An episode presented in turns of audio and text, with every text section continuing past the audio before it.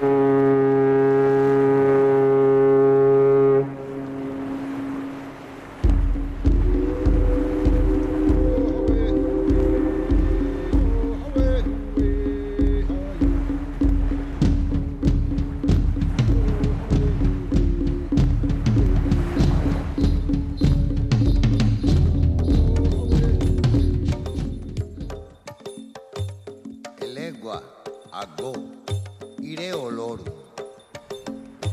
¿Qué tal estáis? Bienvenidos a Levando Anclas.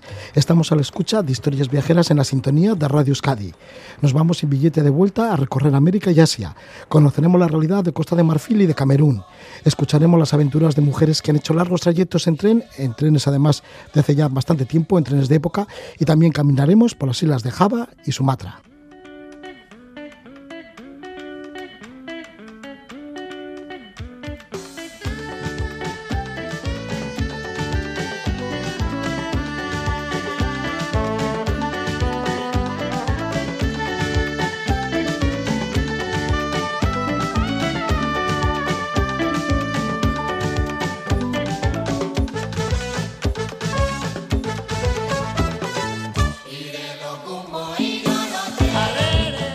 Aquí en Levando Anclas le vamos a tener presente físicamente al periodista Baltasar Montaño.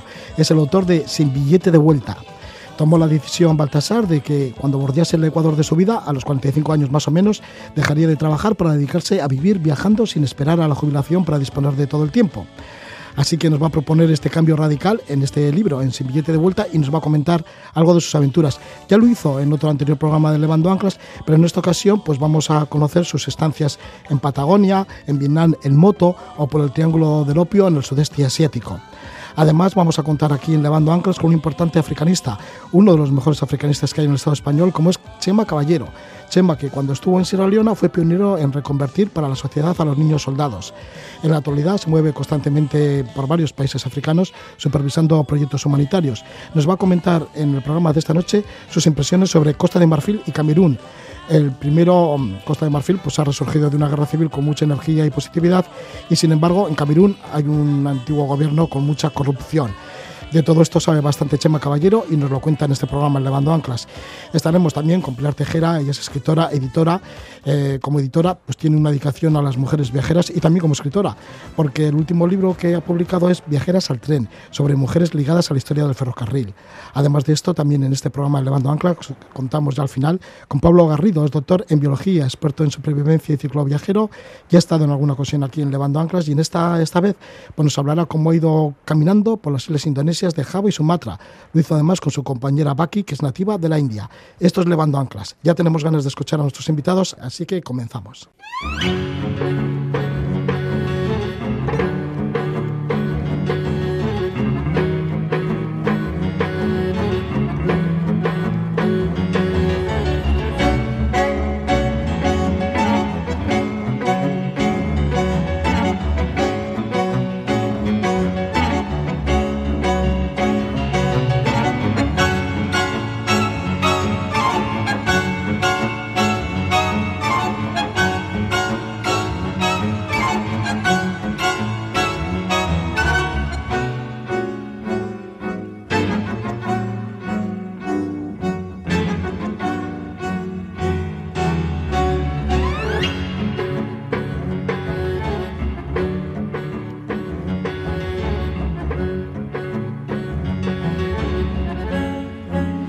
Bandaleón inconfundible de Astor Piazzolla. Ahí está en cuarteto y este es el tema Michelangelo 70, una canción que nos ha aconsejado nuestro invitado Baltasar Montaño. Él es periodista, está especializado en economía, trabajó durante 15 años en el periódico El Mundo, pensó que ya había consumido media vida y a partir de ahora pues debía idear una fórmula para vivir viajando. En los últimos tiempos se mueve por el mundo sin preocuparse de cuándo regresará. Estuvo un año por Australia y Nueva Zelanda en autocaravana, alquiló el piso que tiene en propiedad en el centro de Madrid y esto le sirvió para mantenerse durante un año por Sudamérica y otro año por el sudeste asiático y seis meses por México, hasta que llegó la pandemia del COVID-19. Ahora viaja en camper, en donde lleva la bicicleta por toda la península eh, junto con la camper, pues se igual con la, con la bicicleta. Y a su paso por el País Vasco, pues tiene la gentileza de acercarse por Radio Euskadi y este programa, Levando Anclas. El compendio de aventuras, reflexiones y de cómo ha conseguido esta nueva forma de vida lo cuenta en el libro Sin billete de vuelta, editado por Círculo de Tiza. Y hicimos una primera entrevista con Baltasar, esta fue por teléfono, sobre este libro, Sin billete de vuelta, y este es el segundo capítulo que le tenemos aquí presente, así que le damos la bienvenida. Baltasar Montaño, ¿qué tal estás? Muy buenas noches. Buenas noches. Bueno, pues muchas gracias por estar por aquí, que has venido con la camper y con la bicicleta. Sí, señor. Que has venido a visitarnos, que ya teníamos ganas de conocerte, después de estar leyendo tu libro, un libro en el cual pues vas recogiendo muchas de las cosas que te han pasado, las vas como mezclando unas con otras, cada página tiene un montón de evidencias. ¿Cuál es la idea así general del libro a la hora de escribirlo, no? Como periodista, ¿cómo te lo has planteado? Claro, al, arrancar el libro, pues es el primer libro que escribo. Yo toda mi vida me he dedicado a, escribir, pero hacía pues ese, el típico periodismo explicativo, sobre todo cuando escribes de economía, que tienes que explicar el doble las cosas y, con un lenguaje sencillo, ¿no?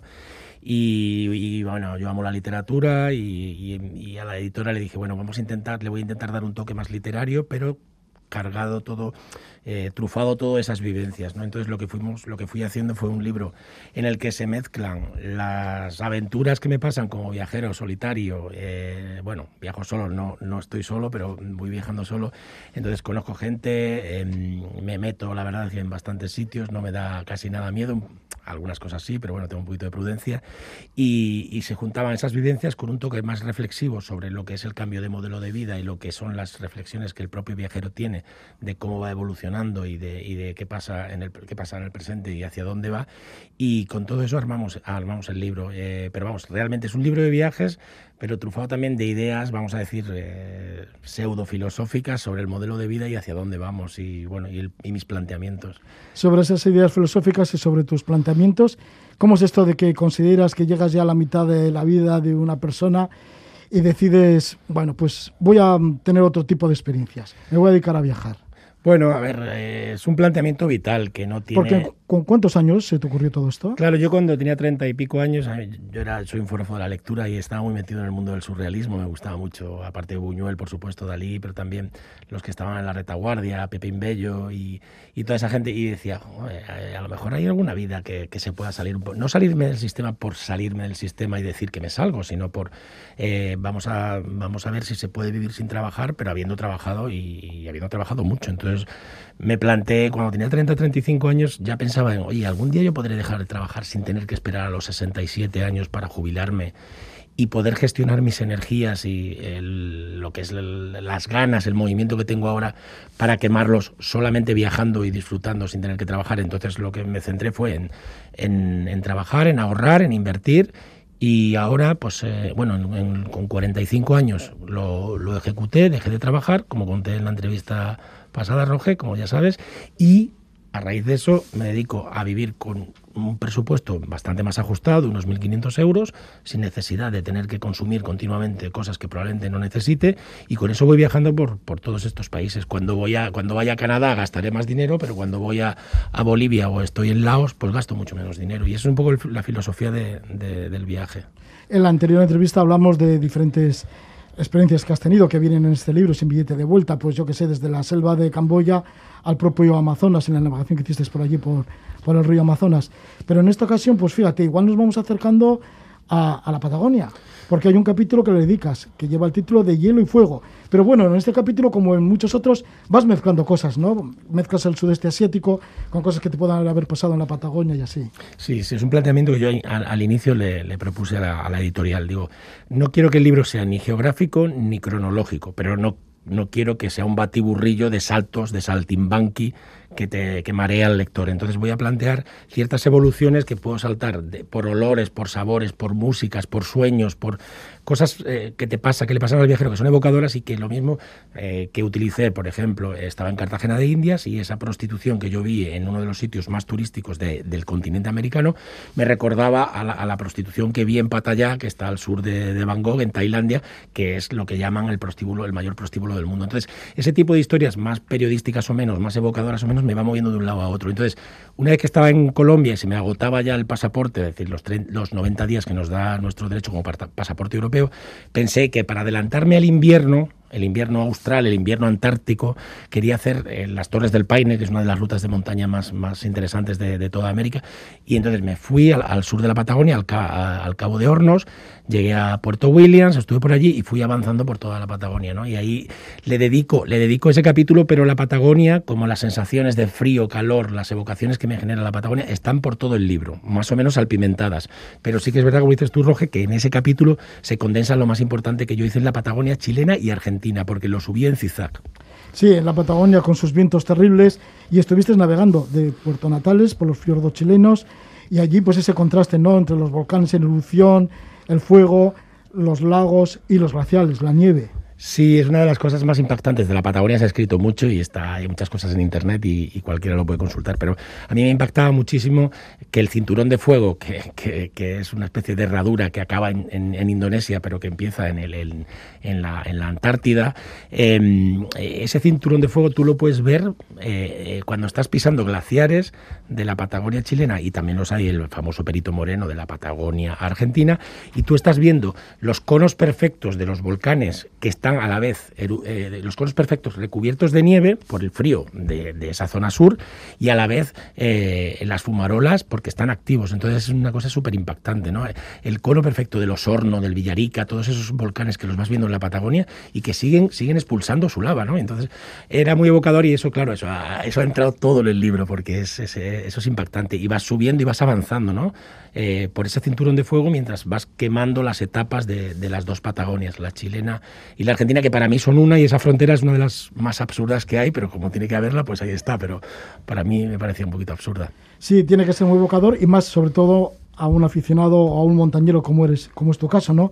Has nombrado los Hornos, Villarrica, estos volcanes, pero luego sí que ya te desahogaste bastante en Bolivia porque subiste dos 6.000 por lo menos. Sí, sí, sí. de los 14 6.000. Creo, creo que son 9, 9 ah, 6.000. No estoy seguro. No, no, 14. ¿no? 14. 14. Yo, lo he leído en tu libro. Sí, pues a lo mejor son 14. Sí, sí, que tengo tantas cosas ahí, seguro, seguro, Roge. Son 14, 14 6.000. Sí, yo, yo claro, eh, llegué, bueno, pues ya una vez que terminó Chile, Atacama, eh, cruzo desde, desde el norte de Argentina, eh, la Quiaca, donde está la frontera, cruzo a Bolivia. Y en Bolivia, pues voy al Salar de Uyuni, a, a, a, muchos sitios que, que quería conocer. Pero una de las cosas que más me atraía de Bolivia era, era, eran esos 6.000, ¿no? Y sí, efectivamente, me hice el Huayna Potosí y el Ilimani, los dos, eh, que están, no a tiro de piedra, pero están a, un, a 150, 200 kilómetros de la capital, de La Paz, y los hice con, con, guía, por supuesto, porque yo no, no podría. Y bueno, pues eh, fueron experiencias interesantísimas y, potentes y duras. ¿eh? Me acuerdo que ahí el guía una vez me dijo, oye, para subir en la montaña alta montaña, que es la más alta que yo he subido, porque no soy montañero profesional, por favor no pienses, porque pensar consume energía, la energía consume oxígeno y a estas alturas, a 5.800 metros, cuando nos quedan 220 metros para llegar al pico, mejor no pienses porque estás consumiendo el oxígeno que necesitas para avanzar. Eso me dejó completamente impresionado y eso luego lo me lo han dicho también cuando haces apnea. Yo hago apnea en los cenotes de, México y, también en el mar, pero el mar me da un poco más de miedo. Y, esa, y cuando estás en apnea tienes que poner, intentar poner en blanco la mente porque tu mente consume energía, consume oxígeno y para la apnea obviamente, eh, necesitas tu oxígeno, ¿no? Porque no llevas, no llevas eh, oxígeno suplementario. Entonces son cosas curiosas que vas aprendiendo y también están recogidas en el libro. Fíjate, yo ahora pensando, igual por eso los lamas del Tíbet meditan de esa manera, por la altitud, ¿no? Puede ser, claro, es que en, los Himalayas, como en, en, algunas partes de los Andes, eh, como pasa en Bolivia, tú estás siempre a 4.000 metros, 3.800, ¿sabes? Nosotros, eh, bueno, aquí en Bilbao estamos muy abajo, pero yo qué sé, por ejemplo, en Madrid estamos a 680 metros. Pero claro, la gente que vive en Bolivia, en el altiplano, tanto si es el chileno como es la parte boliviana, está siempre a, 3.800, 4.000 metros de altura viviendo, haciendo vida normal. Y los Himalayas pasa igual, ¿no? Yo creo que también la meditación tiene, tiene algo de eso. No lo había pensado, pero a raíz de lo que dices... Baltasar, bueno, ese espíritu de periodista, que eres periodista, aunque has abandonado de momento la profesión, aunque has escrito este libro sin billete de vuelta, pero bueno, siempre tienes esa, esa vocación periodística, te metes en muchos sitios que cualquier viajero no se, no, no se metería. Por ejemplo, cuando seguiste la pista del opio, Claro, ahí... Esto ya nos vamos al sudeste asiático nuevamente, al Triángulo del Oro, o también antes se llamaba Triángulo del Opio. Se llama, se sigue llamando. de, las de, claro, el Triángulo del Oro es la versión turística de ah. la zona de lo que es el Triángulo del Opio, que ahora hablamos un momento de él. Pero sí, has hecho, has hecho ese salto por el Pacífico o por el Atlántico para llegar al sudeste asiático, que esos saltos que acaba, el salto que acaba de hacer Roge es parecido a los que yo hago de vez en cuando para moverme entre continentes, ¿no? Con, con esa, con esa ilusión de que al lector no le parezca un, un salto de saltimbanqui, sino una, una, especie de evocación. Y efectivamente... Eh, eh, yo cuando, cuando llegué a Myanmar, que ahora sabéis que está sometido a la desgraciada dictadura después del golpe militar, pues yo me fui al norte y yo quería ir a los estados independentistas donde, donde estaban en guerra soterrada o, o más explícita con, con, el ejército. Y claro, allí me encontré que había, que había que habían plantaciones de opio y me decían que eran, claro, eran legales porque estaban con los acuerdos de las farmacéuticas para producir los opiáceos, para la morfina y todos los medicamentos legales. Pero claro, yo me fui con mi cámara, me metí allí y el ejército pues me pilló. Iba con una señora, la pobre señora que me llevó allí, no sé qué pasó con ella, no me pude ni despedir de ella y los, militares que vinieron en una patrulla, pues no, me, no me quitaron la cámara, menos mal, pero me llevaron al hotel y me dijeron mañana abandonas esta zona y me tuve que al, al día siguiente salí con, muerto de miedo, pero no pasó nada, porque yo pensaba que por la noche a lo mejor podrían venir a detenerme o algo, no pasó nada. Y me marché como me indicaron ellos, me lo explicó en inglés el, el del hotel y tuve que salir. Sí, esta señora le llamas en el libro la abuela Cella. Sí, era la que abuela. tenía una pipa de opio. Claro, porque el opio está tolerado, como la marihuana está tolerada en algunos países, más o menos tolerada en algunos países eh, de América Latina, y en el caso de Uruguay, como sabéis, es legal, ¿no? Entonces, eh, ella estaba fumando su, su pipa me de metal con el opio, la, lo que es la hierba, lo fumaba como si fuera pues, una pipa de, de hierba. Y hablando con ella a través de un niño que tenía 16 años, por lo que me enteré y que hablaba un poquito de inglés, pues fue la que, la que me llevó a la plantación, porque para ella no era malo llevarme a mí a la plantación. Ella no pensó en los riesgos que corría y yo tampoco lo pensé. Pero al final siempre me quedé pensando, porque yo no pude volver a hablar con esa mujer ni supe dónde acabó. Imagino que espero que no la haya pasado. Era una señora mayor, ¿eh? espero que la respetasen. Además fue responsabilidad mía, no fue responsabilidad de ella. Pero bueno, nunca pude hacer nada. No hablaba en inglés, claro. Baltasar, y todas estas amistades que has encontrado en el camino, todos estos gente que has ido conociendo tan interesante, y esto de estar de, de, siempre de paso, porque claro, un año en Sudamérica, un año en el sudeste asiático, otro año en Australia y Nueva Zelanda, seis meses en México.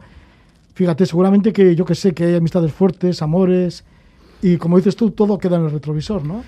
A ver, eso es uno de los problemas, de las ventajas y los problemas que, que genera luego la posible onda expansiva que, que a veces provoca mi, mi marcha a las personas afectadas y a mí también, porque parece prepotente decir que yo como me marcho dejo una onda expansiva.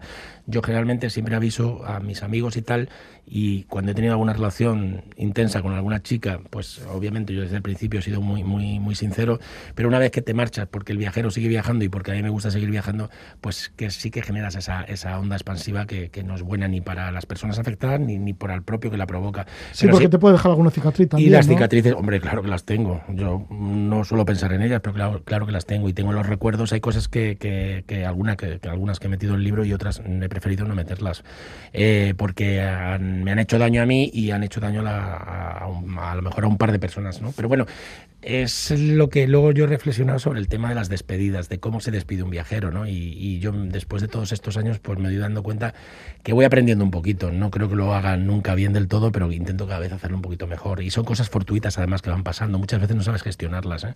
Es algo como la imprevisibilidad del viaje, que no sabes qué te va a tocar, y veces que te, te tocan cosas súper intensas, pero luego no sabes aterrizarlas. Y, hijo, eso pasa, pasa factura, ¿eh? Sí, y a mí sí. me pasa, a mí me pasa. Sí, bueno, yo lo va reflejando en el libro también. Y luego pues tienes mm, experiencias bastante divertidas, ¿no? Por ejemplo, en el río Mekong, en Laos, en la selva de Laos, mmm, estuviste durante varios días, ¿no? Entre tirolinas por la selva, dormíais en unas casas en los árboles. Sí. Dices que los árboles allí en el sudeste asiático son enormes, grandísimos. Igual esto también nos te lleva luego también a la Patagonia, ¿no? Eh, Para hablar de los grandes árboles de la Patagonia. Qué bien, Roge, ¿cómo, cómo te has leído el libro? Eh? Te lo sabes, te lo sabes de memoria. Gracias, sí. Es, es curioso. Pero fíjate, lo de, la, lo de las tirolinas y lo de, la, y lo de las casas eh, en los árboles, como la que tenía Bart Simpson en, en la serie Los Simpson, pero mucho más alta, eh, era una cuestión puramente turística. Yo llegué allá a Laos y fíjate, era súper turístico y yo lo hice. Yo hago cosas turísticas porque me gustan y porque son bonitas y a la vez también me meto en una plantación de opio que es lo, lo más antiturístico que hay, o como irte en Tapachula, a la frontera sur de Chiapas, México, con Guatemala, cuando las hondureñas se tienen que prostituir para seguir avanzando y los maridos o los eh, hermanos tienen que trabajar por la mitad del sueldo que trabaja cualquier mexicano. ¿no? Es decir, te vas metiendo también en esos sitios, en esos sitios sucios. Pero, pero es, es, es, curioso, es curioso. Eh, se, me ha ido, se me ha ido un poquito la Sí, que es curioso que algunas veces igual te metes en las cosas como más organizadas. Más organizadas. Ah, y estábamos hablando de los árboles. Sí, de las tirolinas. Se me, ha ido, un poquito, claro. Y, las y la casa de los árboles. Y la casa, y claro. Y entonces eh, estás allí en, plena selva de Laos y yo me acordaba de las araucanías de, de, Chile, ¿no? Y uno de los saltos a los que, los que has mencionado tú, Roger, es ese, ¿no? Es decir, yo estoy disfrutando de unas cosas súper intensas con las tirolinas y me acuerdo de los árboles de la Araucanía, que es una de las, de las regiones más importantes de, del centro de Chile. ¿no? Sí, un árbol sagrado para los mapuches. Y es pues, un árbol sagrado para los mapuches y entonces eso me sirve a mí también en el libro como de hilo conductor para pegar ese otro salto de ida y vuelta entre, a través del Pacífico, a través del Atlántico en función del destino. ¿no? ¿Y cómo son esas casas en los árboles, allí en la selva de Laos? Eh, hechas con madera y tienen placas solares. Sí, sí, sí. El Laos es un país, como sabéis, bastante pobre. Es el país más pobre del sudeste pero sí que es verdad que como eso está bastante preparado para el turismo, tienen unas casas súper bien montadas. De hecho, a las casas llegas y sales de ellas por las, con las tirolinas. No tienen otra no tienes, no hay otra forma de acceder a las casas. Tienen placas solares y ahí te dan, te dan de dormir en hamacas y, te dan pues eso, la cena y todo. Y luego al día siguiente sales de la casa, la dejas y sigues avanzando por, por, la, por, la, por la selva. Muy interesante, la verdad, muy recomendable. Otro de los capítulos de este libro, Sin billete de vuelta, estamos con su autor, con Baltasar Montaño, es Vietnam en moto. Ya que has llegado hasta aquí, hasta los estudios de Radio Sky este programa en Levando Anclas, en una camper que llevas la bicicleta también, o sea que te gusta, veo que te gusta conducir y que has estado haciendo autocaravana por Oceanía.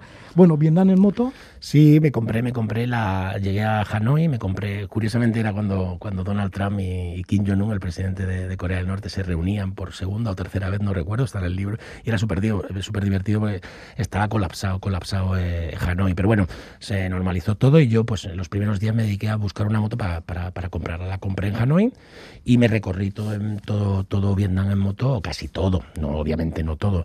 Eh, y la vendí después, a los tres meses, en, en Saigón, más o menos por. La compré por 220 dólares la vendí por 210, pero vamos, se me estropeó unas seis o siete veces, perdía mucho aceite, una vez se le fue la batería, una vez pues, se, rompió el tubo de escape. Y la verdad es que la experiencia de hacer, de hacer eh, Vietnam en moto es alucinante, es impresionante, me, me encantó. Es una cosa súper recomendable y es dura, ¿eh? es muy duro. ¿eh? Te compraste esa moto que era una Honda Win de 120 centímetros cúbicos, luego la volviste a vender y creo que la bautizaste como Gaupasa. Sí, porque yo he venido muchas veces al País Vasco por trabajo y por placer y a mí, a mí la palabra Gaupasa, como alguna, por ejemplo, Zorionac, siempre me ha gustado, ¿no?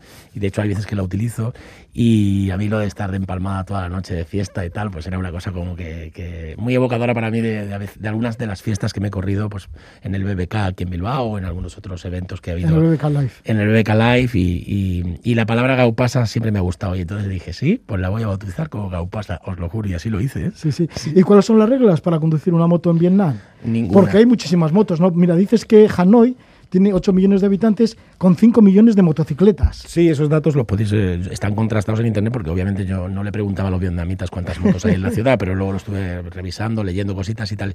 Sí, eh, no existen las reglas eh, para las motos. El sudeste asiático para eso es muy, muy laxo, no, no, ahí puedes ir sin casco, no depende de... En sitios muy turísticos te obligan al casco si no van a por ti por ser turista, pero en el caso de Vietnam, lo primero que me dijeron, bueno, voy a contratar un seguro para la moto. Y dicen, no, no, aquí no existen los seguros para las motos. No, si tienes un golpe, un problema, tienes que arreglar con la persona afectada. O y si tú eres el afectado, pues también. Entonces, eh, nada, y ahí hay que meter el morro. Eh, eh, hay un, ordenado desorden en la conducción de las motos en Hanoi, sobre todo Hanoi, más que en Saigón. Saigón es una ciudad más como Bangkok y como Singapur, es un poquito occidental, si me permitís el término, y con perdón.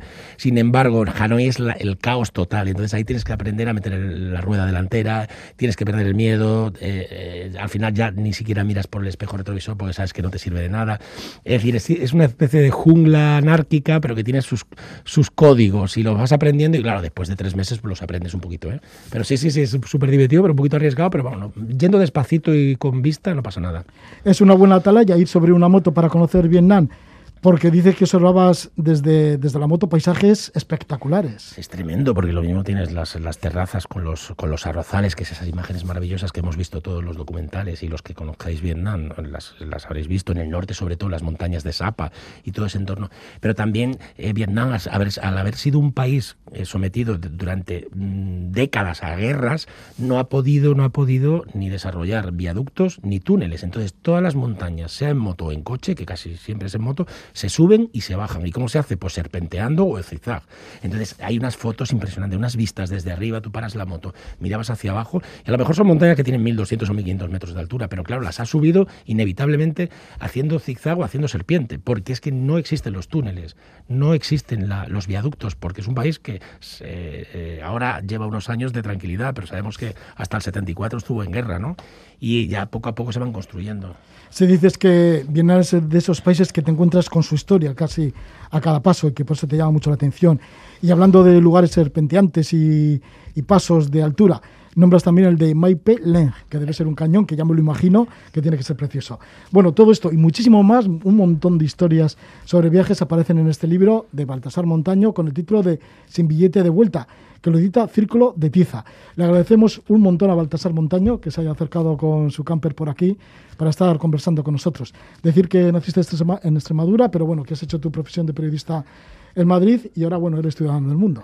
Pues sí, sí, muchas gracias por la entrevista y encantadísimo de compartir, de compartir eh, estas vivencias. Un placer.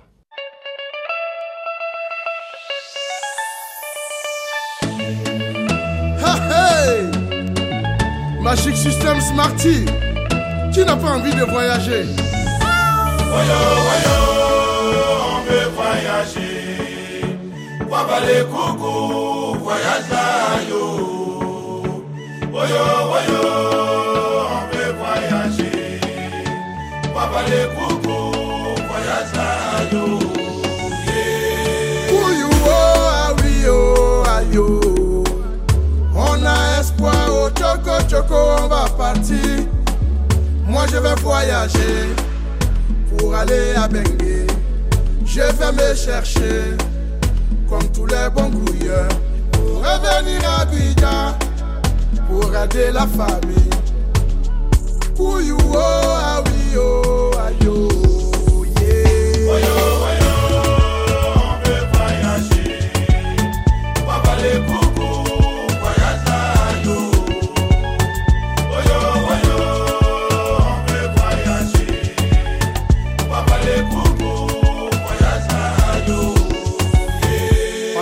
De temps et l'instant passe vite On loue la vie pour un moment et puis on la quitte je veux croiser autant de monde, passer tous les ports. Je veux griller toutes mes secondes dans les aéroports. Je veux aller de bar en bar, colorer nos torts.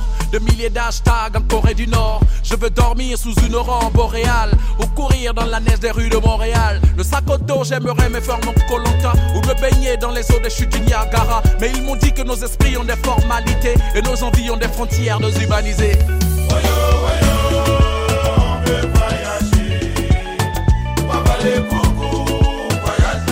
Es el tema Voyager, llega desde Costa de Marfil, lo hace el grupo Magic System, música que nos la ha recomendado nuestro invitado, que conoce mucho la cultura y las músicas africanas de la actualidad. Él es Chema Caballero, africanista. Toma el pulso en esta ocasión a países como Costa de Marfil y Camerún, dos países africanos, uno de ellos Costa de Marfil en pleno crecimiento económico y Camerún, por lo contrario, se encuentra atascado en un conflicto interno. Chema Caballero estuvo instalado durante dos décadas en Sierra Leona, dirigió un centro para rehabilitación de niños soldados. Desde entonces son constantes sus viajes a diferentes países africanos para supervisar proyectos de ayuda al desarrollo. Países como Costa de Marfil, como Camerún, Kenia, Tanzania o Benín. Siempre Chema Caballero interesado en la cultura, en las últimas tendencias musicales y artísticas. Chema Caballero pues nos lleva mm, mm, ahora pues hacia Costa de Marfil también a Camerún y no sé si tocaremos algo de Benín. Le damos la bienvenida a Chema Caballero. Muy buenas noches, Chema. Hola, muy buenas noches. Bueno, buena música esta, la de Magic System. La, verdad es que sí, ¿no? Es, un, grupo muy potente en Costa de Marfil, eh, gente que además con un, con un contenido social bastante fuerte, ¿no? Este, en este tema, pues habla de ese sueño de tantos africanos de querer viajar, de poder conocer mundo, de salir de África, aunque solamente de vacaciones, ¿no? Pero dice que quieren hacerlo de forma segura, sin tener que atravesar el desierto o, morir en el mar. ¿no? Yo creo que es un tema como muy de actualidad ahora mismo en, todo el continente. Sí, porque estas reflexiones se están dando en el continente africano. Esto de la migración, de tener que salir del país, de ir hacia un paraíso supuesto como es Europa, que igual luego no lo es tanto, que mejor estar trabajando por tu tierra y ser más independientes todavía, o sea, que tampoco que venga el hombre blanco para ayudarnos y demás. No, claro, claro, yo creo que, es así, ¿no? Fíjate, es curioso que, que que, que, hay un movimiento muy fuerte también por entre, entre los jóvenes de por toda África, ¿no? Es, que es el yo quiero vivir en mi país, quiero vivir en mi continente, quiero ser rico, quiero ser famoso, quiero tener todas las oportunidades que podría tener si estuviese fuera de aquí, pero en, en mi casa, en, en, en mi país, ¿no? Y esto es una cosa que cada vez está siendo más, más presente entre muchos, muchos jóvenes, sobre todo aquellos que estudian, que se forman y que además gente que está muy informada, porque hoy día gracias al acceso a las redes sociales, a Internet, se sabe lo que está pasando en cualquier lugar del mundo en, el mismo instante que está, está, sucediendo. Y es que sin ir a África, los que nos gusta la música, sí que notamos que hay una vanguardia, una vanguardia mundial de, de la música actual en el continente africano. Y luego, además, si vas a la página que tú escribes, que es África no es un país, dentro de lo que es el periódico El País, bueno, pues dentro de lo que es la parte digital, ahí tienes una página muy consultada que es África no es un país, en el cual ofreces también vídeos de actualidad y se ve que, bueno, que hay grandes productoras, que hay grandes artistas, que no solo manejan el vídeo, sino también, pues, es todo lo que es la imagen, ¿no? Sí, es, es una, una es una, una, una, empresa muy, una industria muy potente, todo lo que es el, el sonido, el vídeo, eh, la, las películas también, ¿no? Y muchos de estos cantantes, sobre todo nigerianos ahora, pues están triunfando y están batiendo récords de, de descargas, en, por ejemplo, en Estados Unidos, en Reino Unido, en Francia también, eh, cantantes eh, francófonos, ¿no? Porque realmente la música africana, y no olvidemos que todas las músicas que, que escuchamos en el fondo tienen mucho de, de la esencia africana, ¿no? Que es, es la, quizás un poco la raíz que, que, que une todas las, las, las grandes músicas. Eh, es, ahora mismo están viviendo la música africana pues un momento de internalización muy potente y está siendo muy escuchada por todo el mundo. Sí, desde luego que sí, muy avanzados y buenos estudios y buena música. Pues países uh -huh. como Nigeria, Sudáfrica, Congo, Mali, Senegal, la música tuareg del Sáhara, bueno, esto está invadiendo también, ¿no? Este, todos estos sonidos. Sí, y es, y es bueno, ¿no? Y es verdad que quizás la globalización, una de las cosas que nos ha permitido es poder acceder a otras culturas, a otras músicas, a otras literaturas, a otras formas de, de arte, ¿no? Y darnos cuenta que, que, África no es ese lugar negro, oscuro, eh, lleno de enfermedades, guerras y hambre, sino que también es un potencial creativo fuertísimo y está muy a la vanguardia, que eh, los jóvenes artistas eh, africanos por todo, por todo el continente están realmente creando e innovando y rompiendo estereotipos. Chema, y esto de estar con los jóvenes africanos y lo que es la nueva savia africana, ¿te viene de tus tiempos? Durante dos décadas estuviste en Sierra Leona y además estuviste con chavales, rehabilitando a niños soldados. ¿Quizá te venga todo por ello? Hombre, yo creo que cuando yo llevo desde el año 92 viviendo en África, recorriendo la punta a punta, y te das cuenta que la verdadera fuerza del, continente está en los jóvenes, sobre todo los jóvenes urbanos, los de las grandes ciudades. Eh, que son aquellos que están pues haciendo que las cosas sean diferentes, los que tienen este ansia, como te decía antes, de, cambiar las cosas desde dentro, los que están eh, pues pidiendo más democracia, más derechos humanos, eh, están afianzando las reivindicaciones sociales y son aquellos que, que, manejan eh, todo lo que es el, el mundo de la, de la, informática, todo el mundo de, la, de Internet, todas estas nuevas tecnologías y gracias a ello están encontrando soluciones y, medios africanos para problemas africanos. Yo creo que esa vitalidad es una cosa que a mí me atrae mucho, eh, además de lo que hemos dicho antes de la cultura, literaturas, músicas, cine, eh, pintura o fotografía, ¿no? Porque creo que es que es realmente un momento magnífico el que está viviendo el continente y es muy, muy, muy interesante poder verlo, poder conocerlo y poder disfrutarlo realmente. ¿Esto es palpable en Costa de Marfil, uno de los países emergentes del continente africano? Eh, por supuesto. Simplemente ya llegar a Avillán es, es, es traspatarte a otro mundo, es romper todos los estereotipos que tenemos sobre África. Avillán, la gran urbe de los rascacielos, de las grandes avenidas, de las grandes infraestructuras, que está constantemente renovándose, está en cambio, donde tienes una vida cultural grandísima, eh, donde tienes librerías, cines, salas de conciertos, donde puedes encontrar pues cualquier franquicia que puedes encontrar aquí en cualquier centro comercial. Eh, pues eh, ya, ya más que llegar allí, pasear por sus calles, te, rompe todos los tópicos que tenemos sobre ese África empobrecida y ese África eh, enfermedades, hambres y guerras, que es la que siempre nos transmiten los, medios de comunicación. ¿no?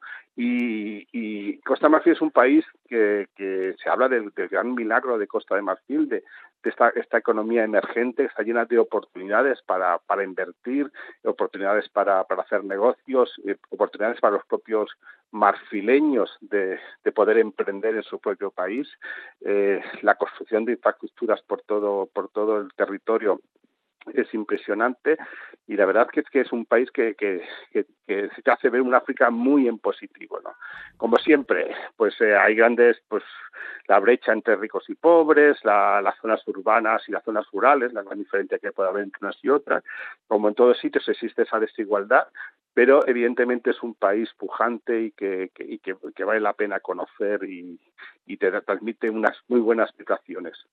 Costa de Marfil, que es un país de 27 millones de habitantes, con más de 60 etnias diferentes, que ha estado durante una década en guerra, del año 2002 a 2011, y ahora pues parece que resurge de sus cenizas, con ese milagro marfileño que se dice, ¿no? Pero también se están construyendo hospitales y universidades pues también y la, vida universitaria también es muy muy potente eh, facultades eh, intelectuales yo ahora estuve cuando estaba en Avillán por ejemplo estuve reunido con, con un grupo de profesores de la universidad de, Cocodí en, en Avillán, Boaqué, que es una ciudad del país, y demás, que son profesores, fíjate, de, los departamentos de, español en estas universidades. Eh, porque mm, hasta esto, hasta este extremo llega la, la cosa. Es decir, eh, Costa Marfil es el país con más estudiantes de español de toda África y el séptimo de todo el mundo. Ya son un ejemplo ¿no? de, cómo es la intelectualidad de, del país, la apertura de mentes que, que tiene. ¿no? Eh, y todo eso se, se, está viendo, se está viendo. Eh, pues hospitales, eh, la educación es una prioridad para, para, estos para el gobierno de, del país y eh, construcción de escuelas, formación de maestros, construcción de universidades, etcétera, etcétera. Yo creo que está viviendo un momento eh, muy potente el, el país. Avillán, además, como ciudad vibrante, por lo que estás comentando, con más de 5 millones de habitantes, que tiene servicio de metro, y además hay que decir que es el segundo puerto más grande del continente africano, después de Durban, en Sudáfrica. así es, así es. Y eso significa pues pues mucha mucha riqueza para, para el país eh, tiene este puerto, también tiene el puerto de San Pedro, que sobre todo es para la exportación del cacao, pero es que el puerto de Avillán no solamente para Costa de Marfil, sino que también está sirviendo a los países del interior, como puede ser eh, Burkina Faso, Mali, eh, que son países que no tienen salida al mar, con lo cual el movimiento y la riqueza que genera este puerto es muy grande. Sí, bien conocen los atuneros vascos, entre otros el puerto de Avillán, porque siempre están recalando por allí, pero bueno. Además, siempre que viajas a, Costa de Marfil, siempre hay marineros vascos en el avión, porque es uno de los puertos donde hacen cambio de, tripulación. Hay muchos muchos pescadores, eh, barcos pesqueros vascos que, que hacen allí el cambio de tripulación en ese puerto. Chema, y en la última estancias, en las últimas estancias en Costa de Marfil, porque vas bastante a menudo, sí que te has interesado en recorrer algunas de las ocho mezquitas, o no sé si has visto todas, las ocho mezquitas que han sido declaradas Patrimonio de la Humanidad por la UNESCO.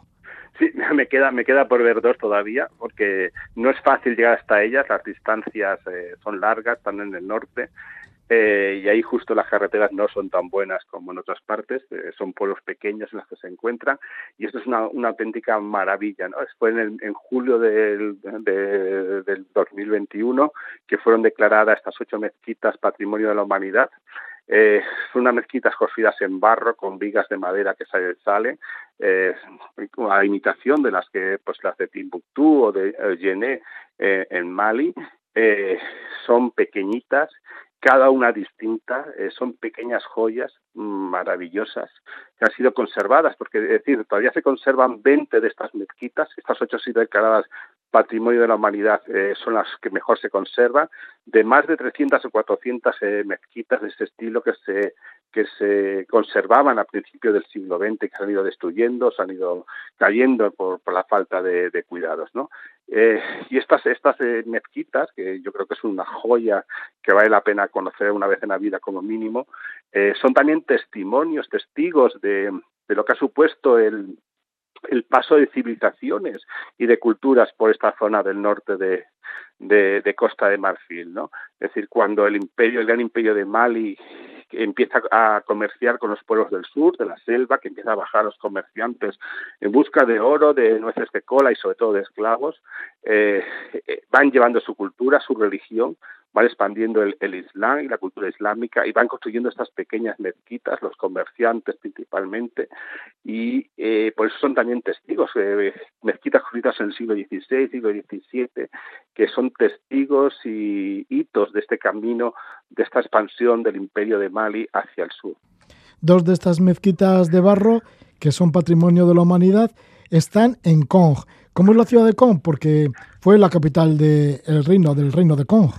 Sí, el reino de Conque fue un reino muy grande, fuerte, un reino cenufo, eh, un, reino eh, marcado por el por el comercio, no, por este intercambio entre entre el norte, la sal y el oro que venía del, del, desierto y sobre todo el tráfico de esclavos que venía de, del sur. Fue una ciudad grande, poderosa, que dominaba todo su, su entorno. Hoy día eh, sigue siendo una ciudad grande, bueno, no tan grande, mediana, pero es una ciudad fea y horrible, de, no queda nada de aquel antiguo, antiguo esplendor.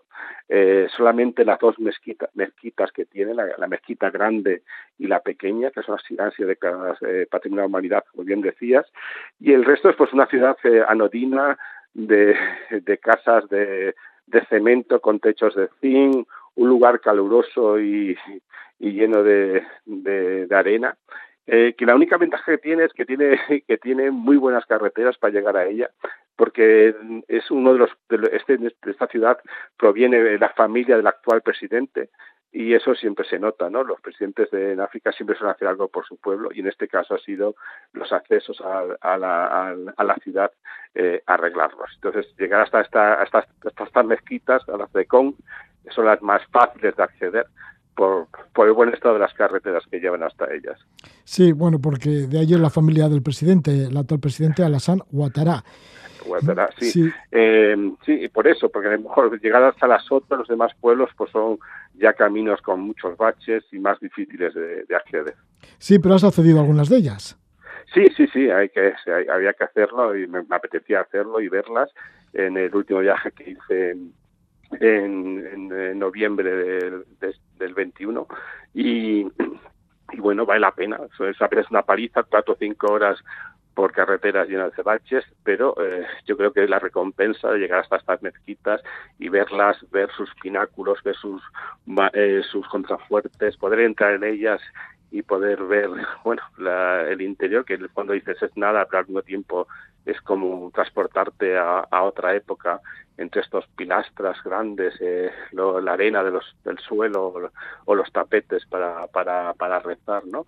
Eh, yo creo que, que, el cansancio del camino eh, se lleva bien cuando se llega al final del mismo, del, del, camino, y se puede contemplar estas pequeñas joyas. Estamos charlando con un gran africanista como Chema Caballero. Nos está llevando por un país que visita asiduamente, como es Costa de Marfil, pero otro de los países que visitas también es Camerún. Y Camerún, la situación no mejora en este país, ¿no? No, eh, fíjate, Camerún es un país también muy apasionante y, lleno de cosas maravillosas para ver, con dos conflictos abiertos muy fuertes. En el extremo norte es el conflicto de Boko Haram que, que, comparte con, con, Nigeria, con Chad y con, y con Níger. Eh, y un conflicto que está ahí lleva ya años y que aunque sea de baja intensidad pues eh, está costando la vida a muchas personas y sobre todo el sufrimiento a muchos pueblos que son continuamente atacados pues para buscar sobre todo comida y personas que trabajen para los, eh, los combatientes de Boko Haram o con niños soldados. Y en el oeste, en la, región anglófona, tenemos también el conflicto eh, eh, anglófono, aquel intento de independencia que, tu, que tuvo eh, Ambazonia, eh, hace unos, unos años y que generó una, una guerra, una guerra donde tanto el ejército como los grupos armados que luchan en ella están cometiendo grandes violaciones de derechos, derechos humanos, ¿no? Eh, y es un lugar inaccesible prácticamente eh, y bueno, y con mucho sufrimiento también, con muchos desplazados y refugiados que han tenido que salir de, sus casas, tanto en un lugar como en otro. Y después el resto del país es un país donde ves que como poco a poco las pocas infraestructuras que, había pues están deteriorando, ¿no? Yo hace, en enero del 21, el, viaje hacia el extremo norte, pues eran 10 horas de tren, ahora mismo ese mismo viaje en, en agosto ya eran 15 horas. ¿Por qué? Porque las vías están, no se mantienen, porque los vagones están, están mal, etcétera, etcétera. ¿no? Igual con las carreteras, como se van deteriorando y demás. Yo creo la diferencia entre un país y otro, y yo creo que cada vez esto se ve más claro por toda África, es la democracia o no democracia de, los países. En Costa Marfil hay una democracia con elecciones eh, que funcionan, con unos parlamentos que funcionan, mientras que en, Camerún tenemos un régimen, el de Paul Villa, que ya lleva 40 años en el poder, donde eh, el grupo de personas, familiares eh, alrededor de él se benefician de todos los negocios que se hacen en el país, donde lo que impera es la rapiña y, y la corrupción, y, y eso hace que las cosas sean distintas. Al cambio, en, Costa de Marfil hay una lucha constante contra la corrupción, la policía nunca te parará para pedirte dinero, eh, como, como pasa en Camerún, que cada dos por tres hay un puesto de control donde la, los, los, los, agentes de seguridad están pidiendo sobornos, etcétera, etcétera. ¿no? Yo creo que eso, que haya democracia o no democracia en un país, eh, cada vez se nota más eh, en cuanto a la lucha contra la pobreza, en cuanto al cambio y sobre todo en, en el hecho de que las cosas vayan mejor o peor en, uno, en un país. Chema, ¿y cómo se va en tren en Camerún? Ese tren que has nombrado, que tarda tantas horas. Este, cuando, mira, cuando tenemos que viajar hasta, hasta Marwa, que es la capital del extremo norte, eh, hay, había un tren de tiempos de la colonia que hace, hace unos cuantos años podía poner en marcha el grupo francés Bolloré, que es el que, bueno, controla grandes infraestructuras por toda África Occidental, etcétera, etcétera, y sobre todo para el transporte de, contenedores hacia el norte y hacia Chad. Bueno, pues este, este tren va desde Yaoundé hasta en Gandere, que es la capital de Araguama, en el centro del país, y normalmente se hacían 10 horas de viaje, como te decía, ya estamos tardando 15 horas, y después de ahí hay que coger un coche y hacer otras 15 horas para llegar hasta, hasta por carreteras llenas de, de baches, ¿no? Es decir, el, el viaje mm, de, desde la capital a la, a la capital del extremo norte, pues prácticamente más de 24 horas eh, si tienes suerte. Eh, a veces son dos días de viaje. Eh, y esto te da una, un poco, eh, te, hace ver un poco cómo las condiciones en las que se encuentra, en las que se encuentra el país.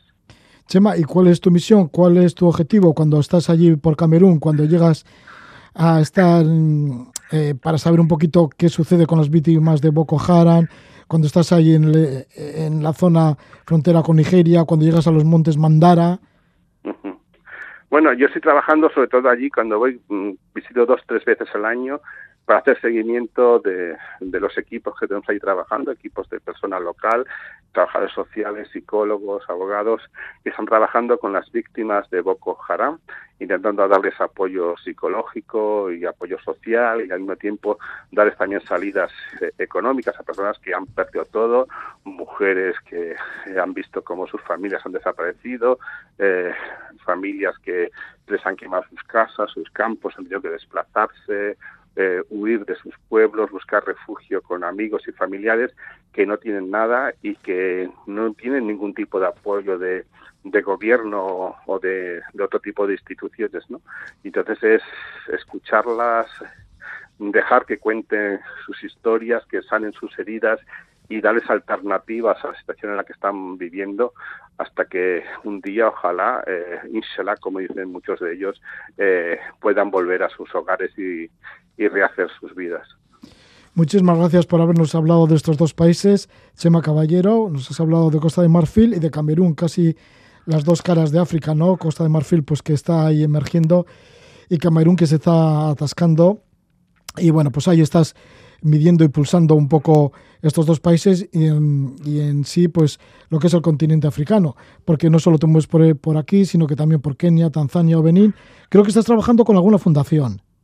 Sí, bueno, yo trabajo con distintos, eh, soy asesor de distintas ONGs y fundaciones y uno de los trabajos que estoy haciendo ahora que quizás me gusta más de todos es una fundación que se llama Salvador Soler, con la cual estamos trabajando pues en Tanzania, Costa Marfil, Benín. Eh, como decías, eh, estamos haciendo un trabajo de acompañamiento y formación de la sociedad civil. Eh, la sociedad civil africana son esos grupos, asociaciones, ONGs, grupos de, de trabajo, sindicatos, que son los que realmente ahora mismo están moviendo las cosas en los países, son aquellos que están realmente luchando por la democracia, por los de, respeto a los derechos humanos, porque las cosas sean distintas, ¿no? Y entonces es darle eh, formación a estas personas, a estos líderes, acompañarles en, en sus luchas, en sus reivindicaciones y también ayudarles, que es una cosa que está surgiendo mucho en todo el continente, es por qué tenemos que depender del extranjero, porque tenemos que estar siempre pendientes de que lleguen agencias internacionales a darnos dineros para, para hacer proyectos, ¿no? Entonces, ¿cómo podemos buscar dinero en nuestros propios países? ¿Cómo podemos generar ingresos que nos ayuden a poner en marcha las iniciativas y los proyectos que vemos que son necesarios en nuestros pueblos o ciudades? Entonces, eh, acompañarles en este camino es algo nuevo yo creo que es algo muy emocionante y que yo creo que puede ser un poco el futuro de que las cosas puedan ser distintas, diferentes a como son hoy día en, en muchas partes de África. Pues ahí estás en la tarea. Muchísimas gracias, Chema Caballero, por contarnos y por habernos hablado de estos dos países, de Costa de Marfil y Camerún. Gracias a vosotros.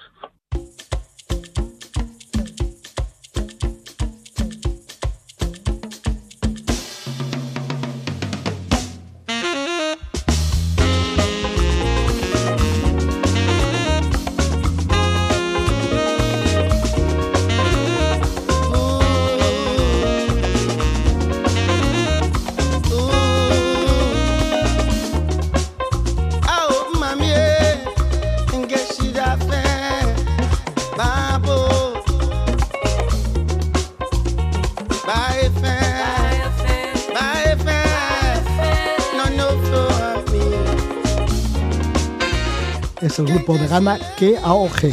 Hemos estado con la africanista Chema Caballero, una vez más mostrándonos su saber y su sentimiento sobre el continente africano. Y nos lo hace saber aquí en este programa, el Levando Anclas, así que le agradecemos muchísimo. Bien, pues para despedir esta primera hora del Levando Anclas vamos a escuchar al cantante y rapero nigeriano Rema con el tema Caldón. Y luego volvemos de nuevo aquí en Levando Anclas después de las noticias y hablaremos con Pilar Tejera a propósito de su libro Viajeras al tren y también con Pablo Garrido que nos visita para relatarnos cómo caminó por algunas de las zonas de Sumatra y Java. Por allí fue a pie. Bueno, nos lo contarán después, pero ahora estamos escuchando al nigeriano Rema.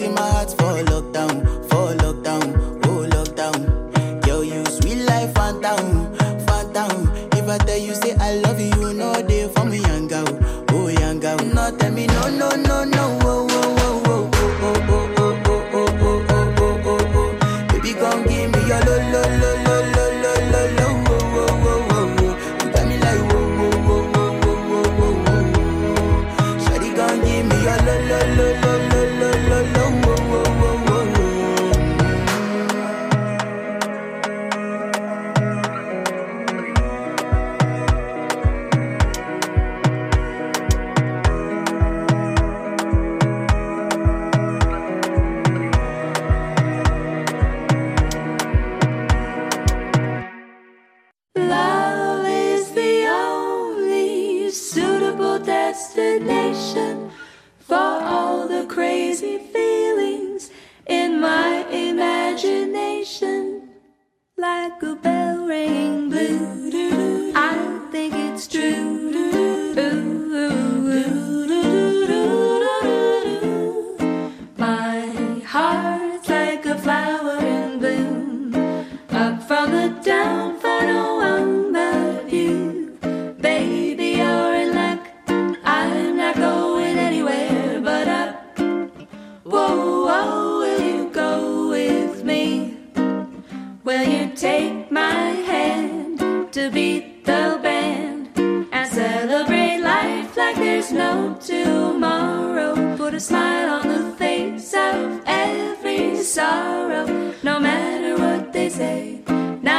time to play, cause it's a beautiful day.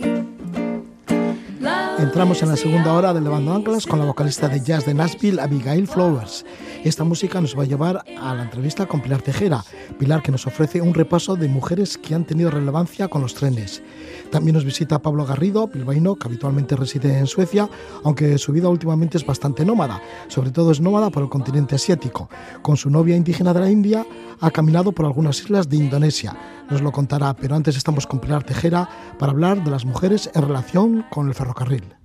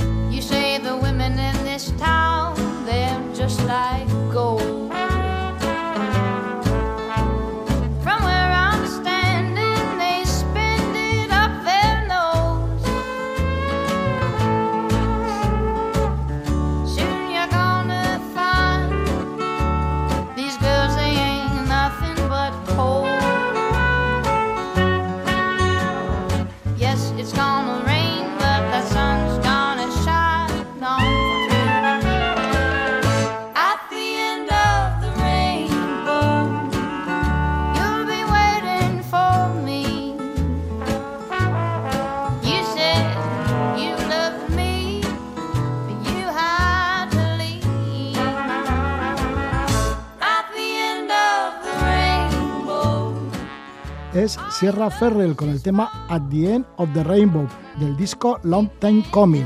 Vamos a estar con Pilar Tejera que nos va a hablar de su libro Viajeras al Tren. Pilar Tejera, que es la responsable de Ediciones Casiopea, creada en el año 2007 para dar a conocer a mujeres notables, mujeres aventureras, emprendedoras, pensadoras, artistas, luchadoras y un largo etcétera. Por su parte, Pilar ha publicado nueve libros dedicados a damas del pasado. El primero fue Viajeras de leyenda, sobre mujeres victorianas que recorrieron el mundo. Luego llegaron otros títulos como Viajeras por el lejano oriente, Reinas de la carretera, Pioneras del manillar y el volante, Viajeras por los mares del sur y ahora publica Viajeras al tren. La obra reúne aventureras, bueno, algunas de ellas son trabajadoras, también actrices, escritoras, pasajeras, celebridades ligadas al ferrocarril y a las estaciones del tren. Aparecen las primeras maquinistas, las pasajeras pioneras de subirse al Transiberiano cuando se inauguró allá por el año 1900 y muchas otras historias recogidas en 150 páginas. Vamos a repasar estas páginas de Viajeras al Tren con su autora, con Pilar Tejera, que le tenemos ya al teléfono. Pilar, bienvenida, muy buenas noches. Buenas noches, Roge. Pilar, ¿por qué tu dedicación en resaltar historias de antiguas viajeras y darlas a conocer en la actualidad? En esta ocasión, en Viajeras al Tren, ¿qué clases de viajeras, qué tipo de viajeras has elegido? Porque, bueno, ya hemos dicho que hay entre desde escritoras hasta trabajadoras del mismo ferrocarril. Bueno, he elegido un- una, digamos, una selección de mujeres que representan, su, digamos, el ferrocarril con mirada de mujer.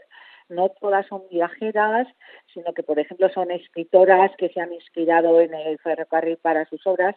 Todo el mundo conoce la obra de Agatha Christie de Asesinato en el Orient Express, eh, o incluso ahora que ha sido muy conocida La chica del tren de Paula Hawkins, eh, bueno, pues Eric Wharton también, que escribió otro libro inspirado en el tren, o George Eliot, o Patricia Highsmith, en fin, como en extraños en un tren, que mucha gente recuerda la, la obra por la película que hizo Hitchcock.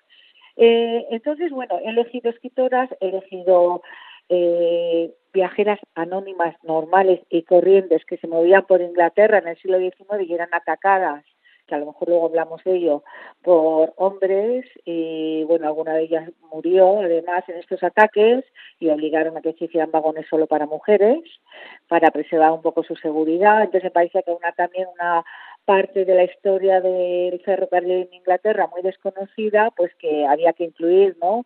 Luego pues hay actrices como Marlene Dietrich, que bueno, pues que protagonizó la famosa película del Expreso de Shanghai y también pues se quería hacer una parada ahí en su en, el encanto de, de, esta diva de la pantalla, ¿no? En, el tren. Luego, pues también incluido a mujeres que tuvieron que ver con la resistencia durante la ocupación nazi de Francia y que se subieron del tren para boicotear la salida de obras de arte que había en los museos franceses. Y bueno, había un, digamos, un ramillete variadísimo de, mujeres que estaban vinculadas o su vida vinculada al ferrocarril y que intenta incluirlas. También comentas a trabajadoras del ferrocarril y te sitúas en las dos guerras mundiales, ¿no? La primera y la segunda, que sustituyeron a sus maridos que se iban al frente y ellas tomaron las tareas del ferrocarril.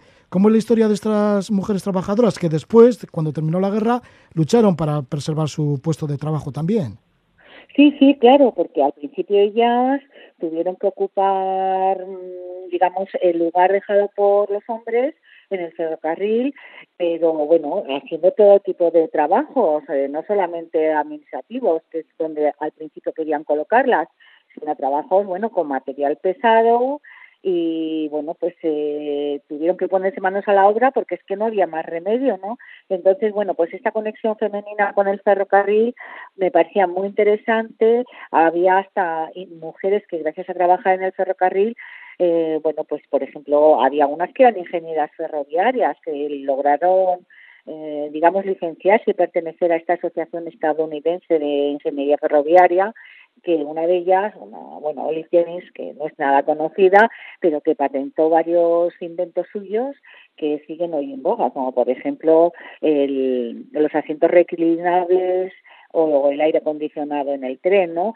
Entonces había casos muy interesantes de mujeres que, pues ya te digo, eran mecánicas, alguna de ellas creó dispositivos para mejorar incluso ya hablando muy técnicamente los cojinetes de las ruedas del tren en el ensamblaje de, digamos, de los ejes de los vagones, pues fue un invento de una mujer. El caso es que cuando los hombres volvieron del frente, pues efectivamente mmm, tanto de la primera como la segunda contienda mundial, pues las quitaron de allí y ellas lucharon por, mm, bueno, pues con conservar sus puestos de trabajo, porque no todas eran viudas o esposas de estos hombres, sino sencillamente mujeres que buscaban trabajar, ¿no? Entonces, bueno, pues gracias a que se crearon comisiones de igualdad de oportunidades en el empleo para las mujeres, pues algunas de ellas consiguieron, bueno, pues obtener, digamos, justicia, ¿no? Y, bueno, presentaron demandas por discriminación contra el ferrocarril. Eh, fue una lucha, vamos, a, a brazo partido para que respetaran los años que habían estado trabajando, los logros que habían hecho y, de, y que habían demostrado que eran tan aptas para el trabajo en el ferrocarril como los hombres. Entonces he dedicado un pequeño capítulo a este tema porque me parecía muy interesante. Relata las peripecias de Ross Wallan, miembro de la resistencia francesa que participó en las operaciones de sabotaje y en la recuperación de casi 45.000 obras de arte robadas por los nazis. Bueno, es que su historia es una maravilla, porque ella debía ser, las fotos que se conservan, digamos, pues una mujer que no llamaba la atención, con ropas holgadas, de color oscuro, sus gafitas, su pelo recogido, y claro, no hacía sospechar para nada que fuera una mujer con el valor y el arrojo que demostró tener, ¿no? Porque claro, eh, poner, ella hablaba alemán y ponerte a espiar des- detrás de las puertas a los nazis que estaban en el Museo de Jarepón, que es donde ella trabajaba eh, durante cuatro años del 40 que tomaron los alemanes Francia hasta el verano del 44, que se, fue cuando se liberó París, ¿no? Eh, bueno, pues estar escuchando todas estas historias de los robos que habían cometido, el expolio que estaban cometiendo y claro, eh, hacer un listado tanto mental, porque no siempre podía tener digamos, dónde, a- dónde escribir, dónde anotar estos datos de dónde se iban a destinar estas obras de arte, a qué palacios de estos gerifaltes.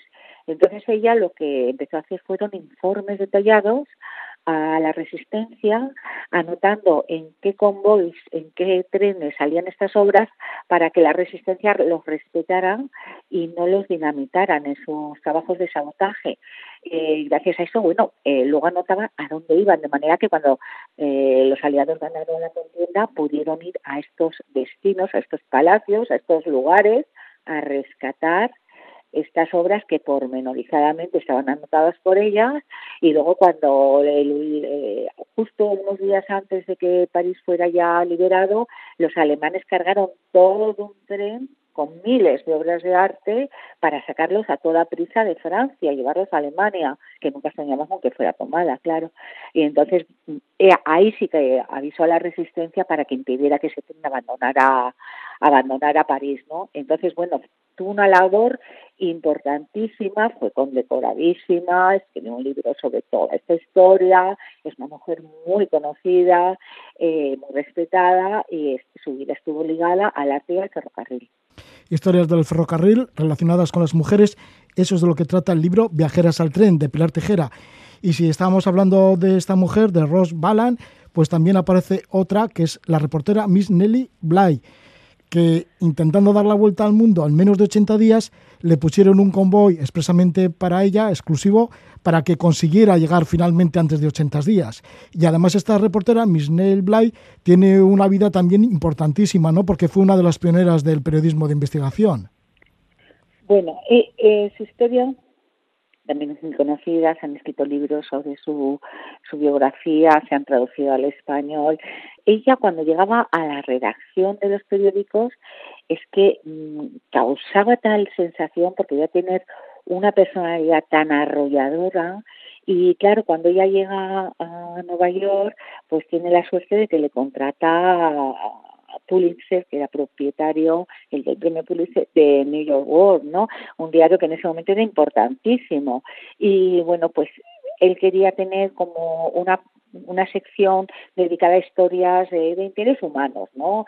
Eh, y ella, pues, el primer encargo que tuvo fue autorrecluirse en un psiquiátrico para mujeres que tenía pésima fama, eh, porque le parecía que era la mejor forma el ser internada allí de convencer a los médicos de que padecía un trastorno mental e ingresar allí y que, bueno, padecer lo mismo que las mujeres que estaban allí eh, vamos, obligadas a estar allí, ¿no? Y entonces estuvo internada como unas dos semanas, sufrió de todo, bueno, un trato horrible eh, y escribió un artículo que gracias al cual se decidió dar fondos a, mejorar la asistencia en este centro. Pero lo más importante que hizo de ella, o por lo que más se la conoce, es porque, fíjate qué fecha tan bonita, además 1888, pues eh, fue contratada, bueno, o sugirió ella ser enviada como reportera en un viaje alrededor del mundo para hacer realidad el libro de Julio Verne, de La Vuelta al Mundo en 80 días.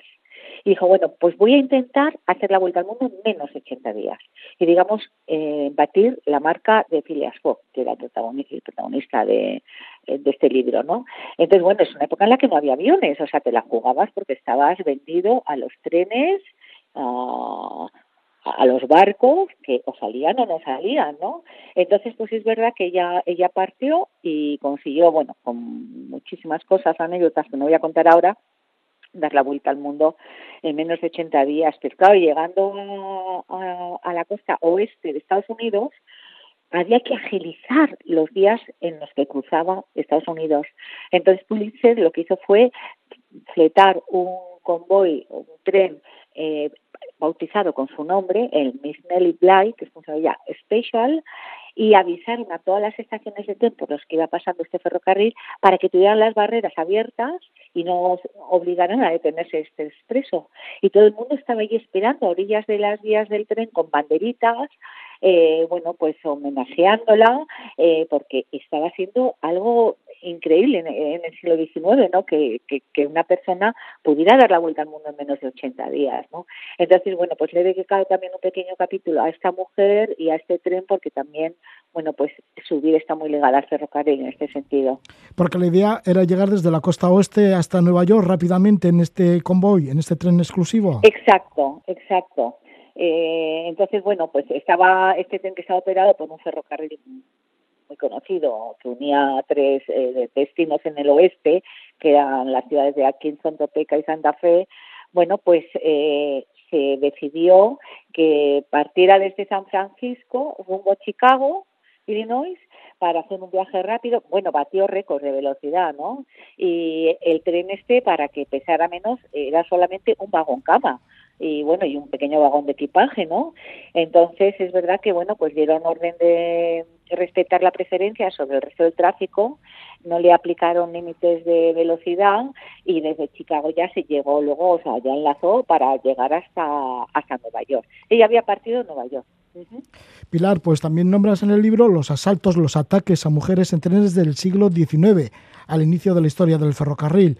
Por ejemplo, nombras el caso de Rebecca Dickinson sí, bueno, que es un caso tremendo porque es que además ella sobrevivió a ello y claro, pues es que fue tremendo porque era una mujer normal y corriente, estamos hablando de final del siglo XIX, en un tren en Inglaterra y bueno, pues estaba ahí sentada tan tranquila cuando el hermano, o sea, un señor que luego se supo que el hermano de un famoso explorador, el coronel Samuel Baker, que fue descubridor de una de las fuentes del Nilo, el lago Alberto, pues eh, ella, que era una jovencita de veintipocos años, estaba allí sentada cuando de pronto se queda paralizada por el terror de ver que un hombre se le lanza encima y ella que se le queda como la voz enganchada en la garganta, no podía gritar, no podía dar la voz de alarma, se lanza hacia la única puerta que del compartimento era un compartimento de primera, la logra empujar con fuerza que se abra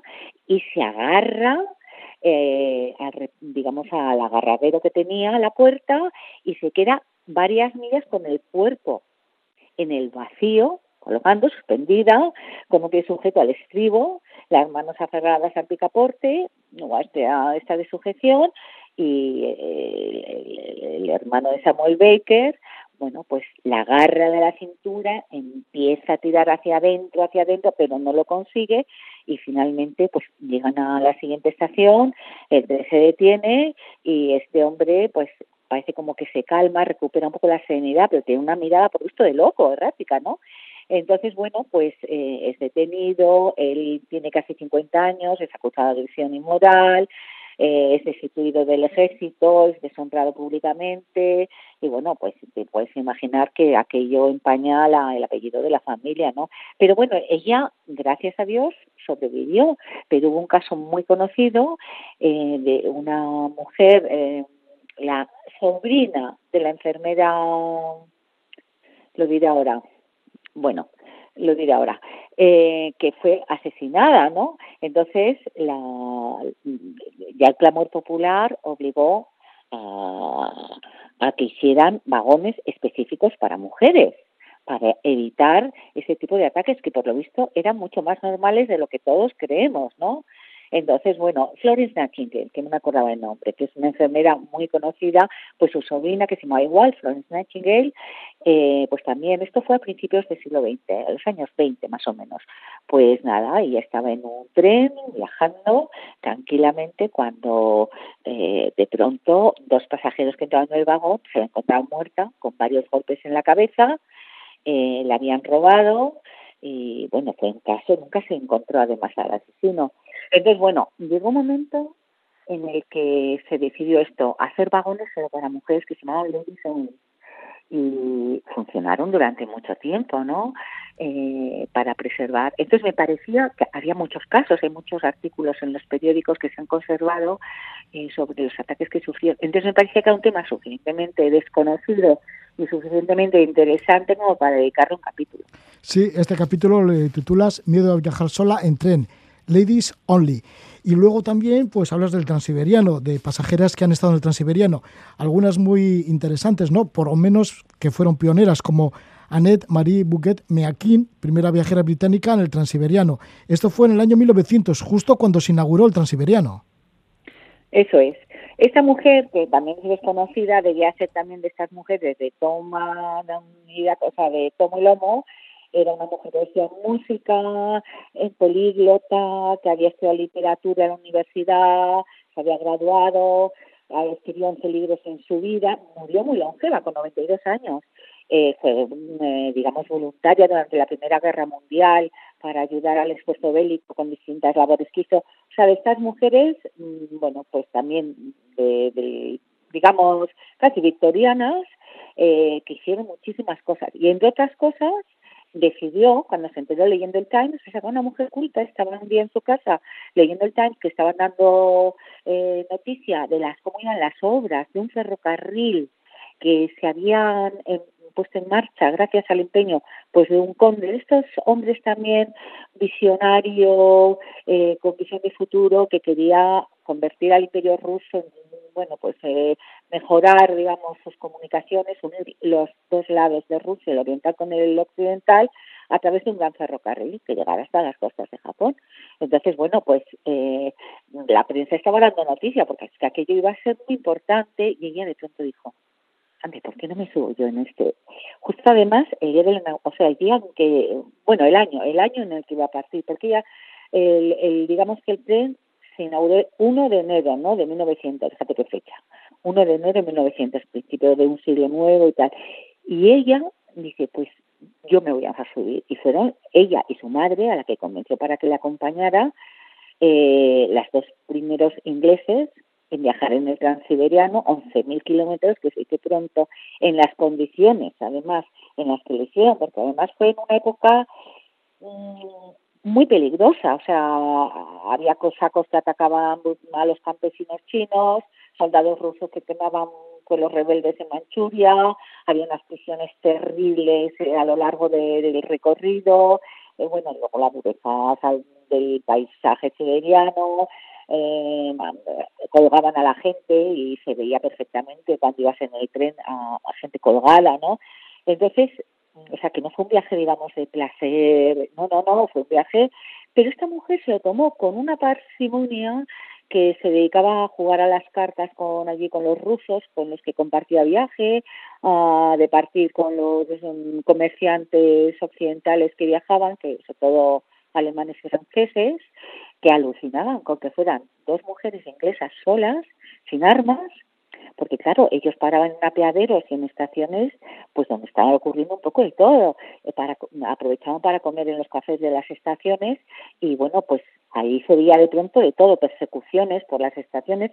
Yo que leí el libro que escribió ella, a Ribbon of Iron, a la vuelta a Inglaterra, pues la verdad es que, bueno, sobrecogedor el, viajecito que hizo, pero ella lo cuenta con una parsimonia, con una gracia, con una elegancia, sabes este tipo de lenguaje muy británico, ¿no? Como muy calmado eh, y muy anecdótico, muy descriptivo y bueno, pues fue todo. Y luego ella se dedicó a seguir viajando toda su vida, ¿no? Pero sí fueron los dos primeros viajeros occidentales en el Transiberiano. Pues ahí recoges esa historia de, ese, de esa inauguración del siberiano, el 1 de enero de 1900, ese primer viaje en donde se encontraban pues Annette Mary Badgett y Miakin junto con su madre, pues recorriendo los caminos y luego pues escribiendo sobre las andanzas que tuvieron en este larguísimo ferrocarril que es el Transiberiano. Pues estas son muchas de las historias que se recogen en este libro Viajeras al tren. Estamos con Pilar Tejera, que es la autora y además editora, porque el libro se edita en Casiopea, que es la, eh, la editorial de Pilar Tejera, que se dedica pues a recoger las historias de mujeres notables que han quedado un poco apartadas de la historia, pero que sin embargo merecen muchísimo la pena por recoger sus escritos y recordar sus vivencias. Esta es la tarea en la que está Pilar Tejera desde hace ya muchos años, desde el año 2007 con Casiopea, y ahora la última producción es Viajeras al tren. Muchísimas gracias Pilar Tejera y que te vaya bien. Y si puedes ser una viajera al tren, que seguramente que te gustará mucho el tren, pues ánimo y adelante con los libros y con el tren. Pues muy bien, Roge. Muchas gracias a ti por mantener vivo ese programa maravilloso que llevas y dar a conocer historias, pues no como la mía, que no es ninguna aventurera, sino de todos los aventureros y gente arrojada a la que entrevistas. Y es un gusto que cuentes con la pequeña contribución de mi pequeño sello editorial, las historias que publicamos. Un abrazo y hasta siempre.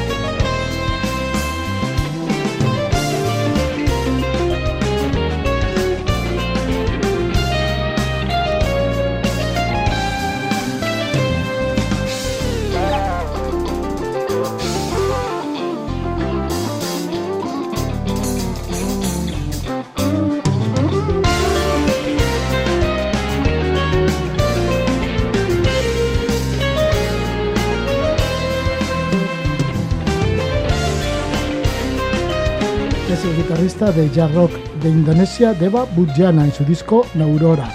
Con la música de Deva Budjana nos vamos a dedicar a ir hacia la isla de Sumatra y la de Java. La isla de Sumatra y Java, parte de ella la ha recorrido a pie nuestro invitado, Pablo Garrido. Pablo Garrido, que ya es la segunda vez que está con nosotros aquí en Levando Anclas. Él es doctor en biología, vizcaíno residente en Suecia, donde investiga la fauna en relación con el territorio y la biodiversidad. Es experto en supervivencia, también cicloviajero.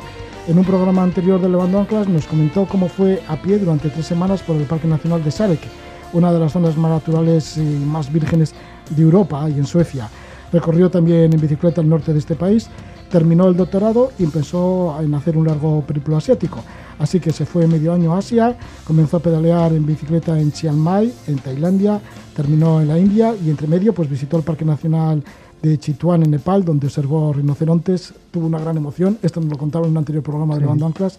Luego hizo trekking en solitario por el circuito de las Annapurnas, practicó meditación vipassana y fue al encuentro de la etnia Kasi, la etnia Kasi que nos comentaba que construyen puentes con árboles vivos.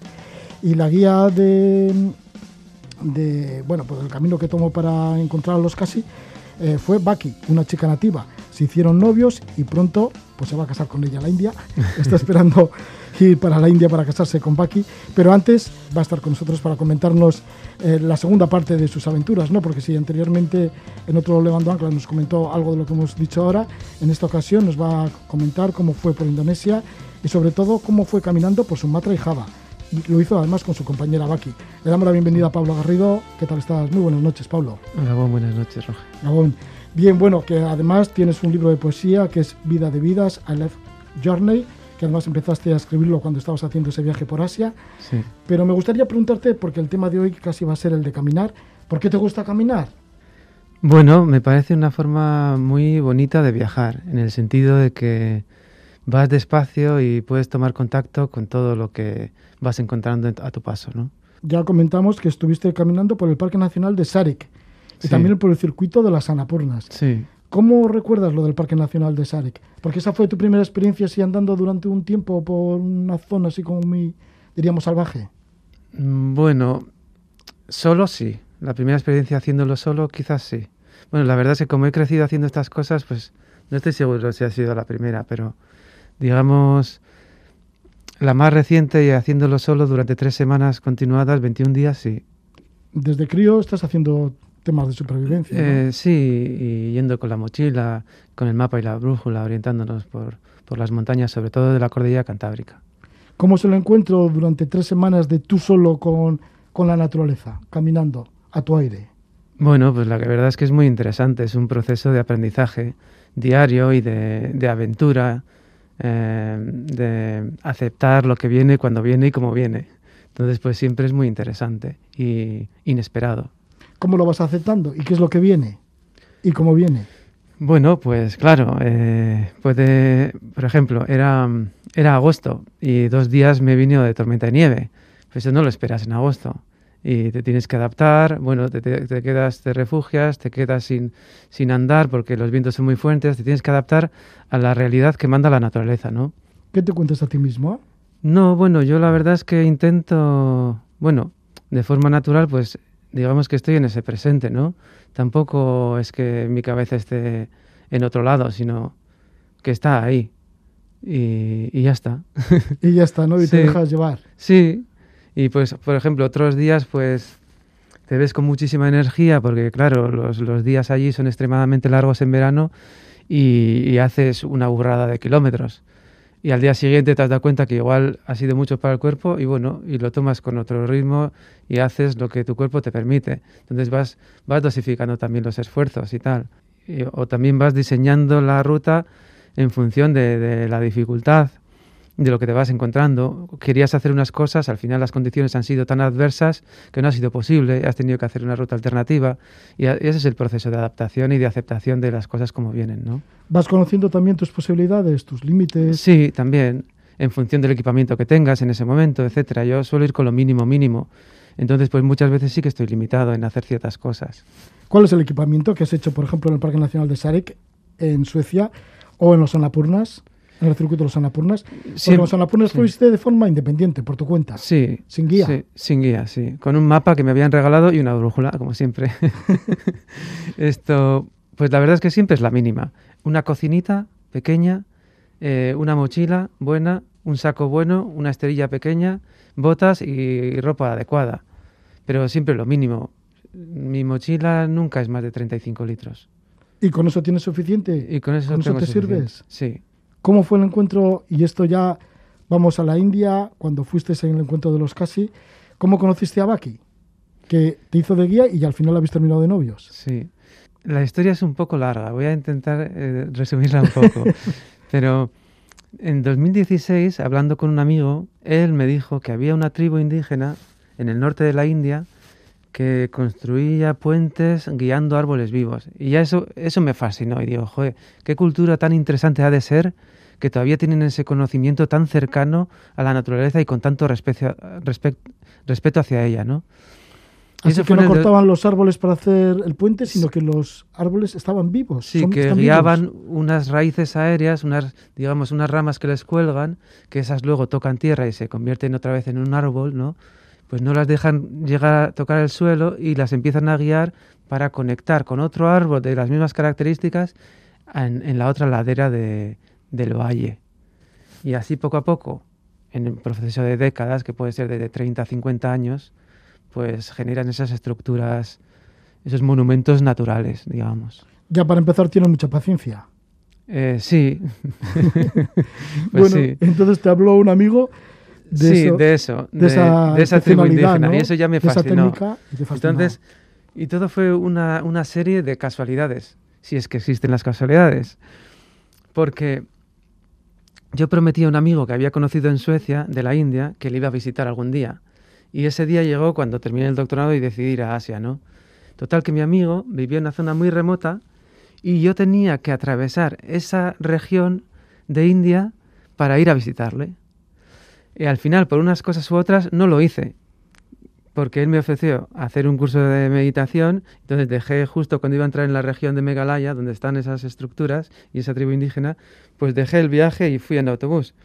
Pero casualidad que él quería hacer algo de esto conmigo, ¿no? Entonces me propuso ir a un sitio, cuando terminé el curso, él había, cambiado de opinión y total que me encontré con Baki, una amiga de él, que era nuestra guía, yendo a visitar esas mismas estructuras que, que yo había oído años anteriores y me había fascinado. Pero no solo eso, sino que durante, durante el circuito de los Anapurnas me encontré con varias personas, a unos de los cuales pregunté un pueblo donde se podían ver esas estructuras, ¿no?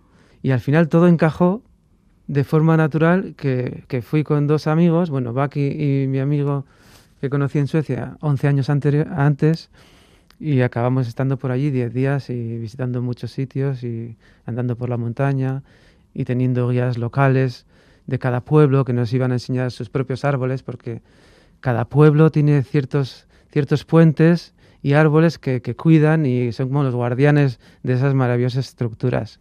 ¿Cuál ha sido tu afinidad con Baki? ¿Cómo es tu afinidad con Baki? Porque pertenecéis a dos culturas bien distintas. sí, to- totalmente. Lo que pasa que, claro, es que ella lo pone muy fácil, porque es una persona muy pura, muy natural y muy sencilla. Entonces, digamos que no tiene ningún conflicto. Es una persona tan natural que, que todo es súper sencillo con ella. Sí, por la foto que me has enseñado es también, bueno, que, que es muy actual, ¿no? Que, Sí, vamos, que es bastante moderna y así. sí. Igual te vas a un sitio a, la- a ver a los casi que parece que va a ser el lugar más remoto del mundo y te encuentras con personas que sí que existe una afinidad, ¿no? Sí, sí, la verdad es o que, que... no es tan folclórico como pensamos. quizá. No, la verdad es que sí que hay miembros de su grupo indígena que, que viven de una forma pues muy rural, muy embebidos en, en la naturaleza y, y con una forma de vida de subsistencia, pero otros ya no viven de, de esa forma. O sea, hay un poco de todo, en un espacio pues muy reducido. Sí que hay ese, ese gradiente y esa diversidad. ¿Cómo? Y ella pues siempre Sí. ha sido un poco libre, ¿no? Eh, entonces, pues sí, se corta el pelo como quiera, se hace un tatuaje, no sé qué. No anda, eh, no está regida por, por los parámetros que le han dicho tradicionalmente o, por, o por los modernos tampoco. ¿Cómo viven los casi? ¿Viven apartados de otras culturas, de otras etnias? Eh, en, su, en la región esta de Meghalaya, que está localizada al norte de Bangladesh, pues solo viven en esa región. Y no sé cuántos millones serán, unos 3 millones o así. Y se localizan exclusivamente en esa región. Luego hay otras regiones limítrofes, pero que son otro tipo de, otro tipo de grupos étnicos, pero también, digamos, tribales que llaman allí. Después de esos seis meses que estuviste en bicicleta por Asia, pues recorriendo desde Tailandia al sudeste asiático, también llegaste a la India, querías estar con tu amigo que Sí. conociste en Suecia, pero que es indio, Sí, ahí te esperaba, luego, bueno, pues fuiste con Baki y él, sí. esa experiencia que habéis tenido llegando a los casi, después de todo esto, pues volviste de nuevo para Suecia, y luego con Sí. el tiempo fuiste otra vez a, a la India, a ver a casi. Sí, la verdad y luego es ya que... fuiste a Tailandia, o digo, a Tai- sí, bueno, empezaste en Tailandia, Malasia y luego ya en Indonesia. Sí, la verdad es que fui a Europa porque tenía un compromiso, pero cuando ese compromiso se acabó, aunque me ofrecieron continuidad, pues no me pude resistir y me tuve que volver a Asia. Estaba como enamorado de, de esa libertad absoluta, flexibilidad y naturalidad de, de las zonas asiáticas. En Suecia entonces tenías trabajo Sí, en la universidad, sí. en la universidad, entonces lo dejaste todo para irte de nuevo con Baki sí, y a caminar por Asia. sí. Sí. ¿Y cómo fue de nuevo el encuentro? ¿Y cómo os visteis Baki tú? ¿En dónde? ¿En Malasia? pues quedamos por razones de logística en Tailandia, que es más fácil para viajar para ella. Y, y desde ahí, pues en autobús y así, fuimos a Malasia, porque quedamos en el sur de, de Tailandia. Y nada, estaba muy cerca de Mala- Malasia. Y de ahí estuvimos preparando un poco el viaje o pensando un poco cómo hacerlo en una ciudad que se llama Melaka, una antigua así colonia de hace unos 500 años portuguesa. Y de ahí cogimos un ferry y, y fuimos a la isla de Sumatra. A la isla de Sumatra, ya estabais en Indonesia. Sí. ¿Qué queríais hacer? ¿Cuál era vuestro objetivo? ¿Y qué medios de transporte ibais a utilizar? Porque buena Sí. parte ha sido a pie. Sí, casi todo, sí, casi todo. La verdad es que fue un viaje pues muy curioso en el sentido de que no había nada planeado. O sea, sabíamos que íbamos a ir hacia el sur y terminarlo en la isla de Java haciendo un curso de meditación en, en el único centro que hay de la meditación vipassana en Java, que se llama Tamayaba. Y eso era lo único que sabíamos. Lo demás pues está abierto. Y en esa aventura pues pues sí, caminamos mucho y, y utilizamos todo tipo de medio de transporte que estuvo a nuestro alcance. Para empezar, fuisteis en autobús. Eh, sí, Pero antes de ir al autobús, antes de subir al autobús, parece que alguien nos llamó, ¿no? Para que dieseis clases de inglés. Ah, sí, sí, eso fue bastante curioso, sí. O sea que una vez llegada a Sumatra, ya empezaron las aventuras Sí, es verdad. y es las verdad. cosas imprevistas. Sí, sí, sí, es verdad. Eh, la verdad es que no sé muy bien cómo pasó, pero bueno, confiamos en la persona porque nos dio buena energía y, y- y fuimos con él a donde daba clases particulares y estuvimos, creo que dando, pues hablando de nosotros mismos y un poco eh, así de nuestra experiencia y qué íbamos a hacer allí en inglés, pues a, a cuatro adolescentes, eh, mujeres, a cuatro chicas adolescentes. ¿Qué pasa? ¿Que os vio por la calle este profesor de inglés y os dijo venir a, a Sí, dar una no- clase con nos vio alumnos"? bajar del ferry y nos dijo a ver si le podíamos ayudar. Como él sabía a qué hora salía el autobús, igual le debimos preguntar algo sobre el autobús y sabía que teníamos que esperar unas cuantas horas, pues nos invitó a dar clases. Así fue los primeros pasos por Sumatra. Sí, Subisteis al autobús y os esperaban muchas horas. sí, muchísimas. Era atravesar la isla de este a oeste, porque queríamos empezar en la otra capital que está en el oeste. Pero la verdad es que a medio camino, dos tercios del camino, no aguantábamos más, todo el mundo estaba, la música a tope, todo el mundo hablando, todo el mundo fumando sin parar. Y claro, nosotros no fumadores, pues ya cuando la cabeza nos iba a estallar, dijimos, venga, nos paramos aquí y da igual empezar, si vamos hacia el sur, en cualquier sitio, pues venga, aquí mismo. Y así fue. Nos bajamos y empezar a caminar. Y empezar a caminar, porque Y ya estabais está. hartos de, lo- de tanta gente Sí. fumando en, en el autobús. Sí. ¿Cuántas horas llevabais ya? Pues llevaríamos las nueve, así. Nueve horas. O siete, sí, de siete a nueve horas. Entonces dijisteis, bueno, mejor respirar y a caminar Sí, y a ver a dónde vamos. Si total íbamos a viajar hacia el sur, pues empezamos antes y ya está. Bueno, tirando siempre hacia el sur. Sí. ¿Y qué os encontrasteis? Bueno, pues claro, cada día pues era una aventurilla, ¿no? Y, y para ella, ella nunca había hecho nada de esto. O sea, ella tiene eh, el recuerdo súper vívido de toda esta aventura, porque ha sido la experiencia más impresionante que ha hecho en su vida. Y yo, de la mitad de las cosas, me he olvidado. Pero ella, como es es lo único que ha hecho así de- en ese tipo de, de experiencias, pues lo tiene todo súper, súper fresco. Andando, llegamos a un sitio en el que no sabíamos dónde dormir. Era un, un pueblo de mediano tamaño. Y le preguntamos a un chico joven, así como de nuestra edad, más o menos. Y nos dijo que él también era así montañero, más o menos, sería la traducción, y que, y que bueno, que fuésemos a su casa. Entonces nos, invitó a ir a su casa, conocer a, sus padres, que vivía con sus padres, a su hija, una niña que tenía casi pues, de dos años o así. Y, casualidad que en Tailandia habíamos comprado unos vestiditos así de niños muy bonitos y les regalamos uno. Entonces le, hizo muchísima ilusión porque en Tailandia hacen unas cosas, la verdad, que preciosas. Y, y la verdad es que al final nos quedamos como dos, dos o tres días con ellos. Y luego, pues, nos dejó unas motos, y íbamos él y su mujer, Bucky y yo, los dos en moto y viendo diferentes cosas, haciendo un poco de turismo, más o menos, con él de guía. ¿Cuándo fue cuando estuvisteis también en un campo de arroz y trabajando con ellos? Sí, un poco más adelante en el camino. Ah, sí. con otras personas. Sí, con otras personas, sí. ¿Y cómo fue eso? Pues, pues como siempre, porque vas con una sonrisa, entonces todo el mundo te dice, ven, ven, ayúdame a esto y no sé qué. pues eso, pues la sonrisa que es el lenguaje universal, ¿no? Del ser humano.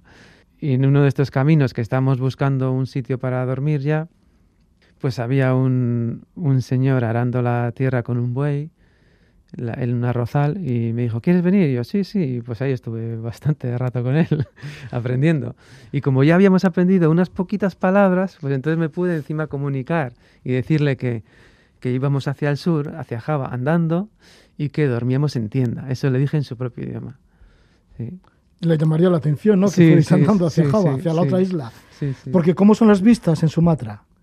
No, Sumatra es impresionante. O sea, es que Sumatra es como un mundo entero. Tiene de todo. Es que tiene absolutamente de todo. Y paisajes impresionantes, la, la gente muy rural, selvas prácticamente vírgenes, montañas, volcanes. Es que es, es, la verdad es que es impresionante. Pasasteis de esta isla de Sumatra a la isla de Java. Sí, Y en la isla de Java os encontrasteis al poco de llegar con un pueblo que había pasado un tsunami. sí, toda esa zona norte eh, en un mes anterior eh, había sido azotada por un tsunami y pudimos ver de primera mano pues las consecuencias de, y la devastación ¿no? de los efectos del tsunami en, en la costa, hasta incluso casi igual 300, 400 metros hacia el interior. O sea, había arrasado con todo, casas, había barcos eh, en tierra firme. eh, bueno, la verdad es que un paisaje desolador, tipo de película.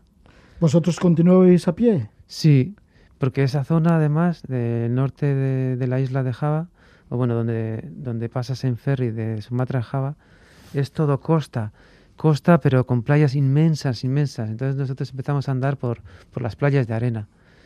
Y, y todas las noches, mira si, si veíamos la devastación y nos, y nos hacía efecto, pedíamos, pedíamos permiso al volcán, al volcán Krakatoa, que llaman allí, Krakatao dicen ahí, para que nos dejase dormir una noche más cerca de, de él, ¿no? ¿Temíais al volcán Krakatoa? Sí, de alguna forma eh, era tan evidente su, su fuerza y su poder que, que le pedíamos permiso para dormir todas las noches. Y además, eh, verídico, de, de verdad. Ya estabais en sus manos. Sí, sí, sí, sí. ¿Qué hacéis? ¿Una especie de rezo así? O... Eh, sí, bueno, mentalmente, ¿no? Sí, antes de acostarnos todas las noches, hasta que dejamos de estar en su influencia, que igual fueron pues cinco o seis días o así. Así que está muy presente. Sí, sí. ¿Qué pasa? ¿Que ruge o así? No, no, pero joder, al, al, al haber estado en erupción tan, tan recientemente, que solo habían pasado pocas semanas, ¿no? Y ver eh, con tanta crudeza la- los efectos de- del mismo, pues la verdad es que no salía de forma natural hacer eso. En esta ocasión, como hacíais en Sumatra, que ayudabais a los campesinos con el tema de lo- del arroz, de los campos de arroz, Sí. aquí sí que como ibais andando por la costa, estabais con los pescadores. Sí, sí. Y también pues siempre pues pasan cosillas, ¿no?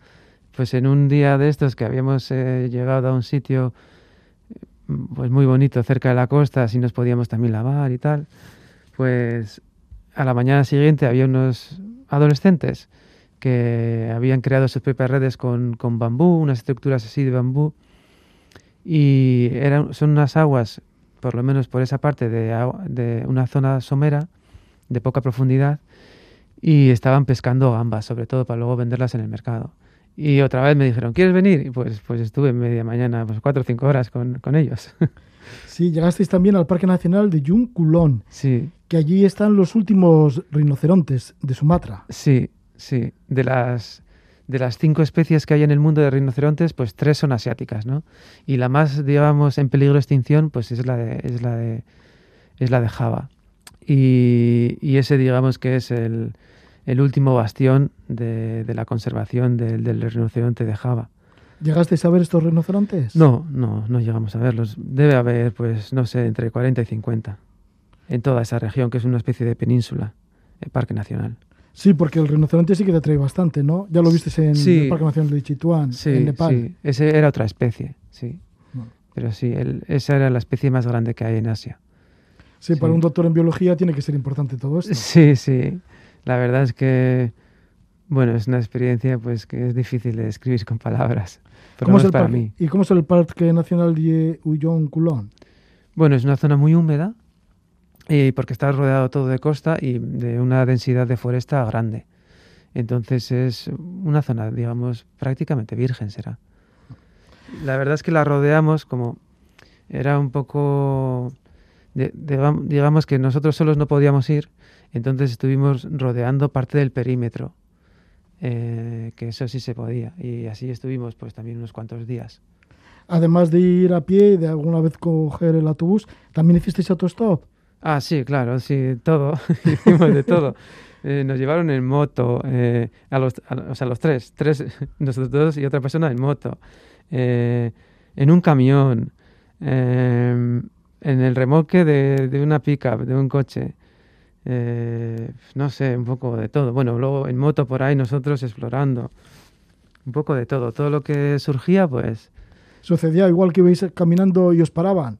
¿A dónde vais? sí, Os mu- llevo. sí, sí, muchas veces, sí, sí. Sí, les parecería raro también que caminarais. Sí, sí, claro, porque tampoco hay gente así, hay muy poco turismo, sobre todo, claro, en medio de, de las zonas rurales, ¿no? Que habrá igual alguna medio capital o, eh, me- medio turística, pero eh, por las zonas que, que andábamos nosotros, pues no había nadie extranjero, vamos. Vuestro objetivo una vez que llegasteis a Indonesia, por lo que has comentado, después de caminar por Sumatra, después de caminar por Java, era llegar a un centro de meditación. ¿Llegasteis a este centro de meditación? Sí, sí, finalmente. finalmente llegamos y llegamos, claro, es que es difícil calcular, entonces llegamos con un día de antelación. Y total, Ah, sí, además os adelantaste. Sí, un día. Es que teníamos miedo de llegar tarde, ¿no? Porque claro, andando y eso, pues nunca sabes. Hicimos autostop, nos dejaron en una ciudad cercana y desde esa ciudad, pues fuimos andando, que también fueron pues un día más o menos entero. Y bueno, al llegar allí no nos dejaron entrar porque solo se podía entrar cuando empezaba el curso y como bueno, como teníamos todo lo necesario, pues nos ayudaron a encontrar otro sitio cercano y ahí estuvimos pasando la noche con, con unos locales y comiendo unas frutas deliciosas que, que tenían por sacos, o sea, tenían un montonazo y lo- las compartieron con nosotros. ¿Qué frutas serán? Pues a ellos le llamaban manguís, no sé muy bien ningún otro nombre. Esto fue en la ciudad de Bogor, Sí, cerquita de Bogor, sí. cerquita de Bogor, y bueno, ya finalmente sí que estuvisteis varios días haciendo meditación. Sí, eh, los cursos básicos son de 10 días de retiro sin hablar y eso. Sí, bueno, pues que ya eres experto, ¿no? Bueno, más o menos. Más o menos, ¿no? Lo descubriste, creo que fue en India. Sí, Y bueno, pues ya ahí estás en, en esos centros de meditación vipassana. sí. Y esta es un poco la última aventura que has vivido. Bueno, una de las últimas aventuras Sí, que ha vivido nuestro invitado, que es Pablo Garrido. sí. Pablo Garrido, pues que eres doctor en biología, que vives en Suecia, aunque eres de Guecho, originario de Guecho, sueles estar también bastante por aquí, por el País Vasco.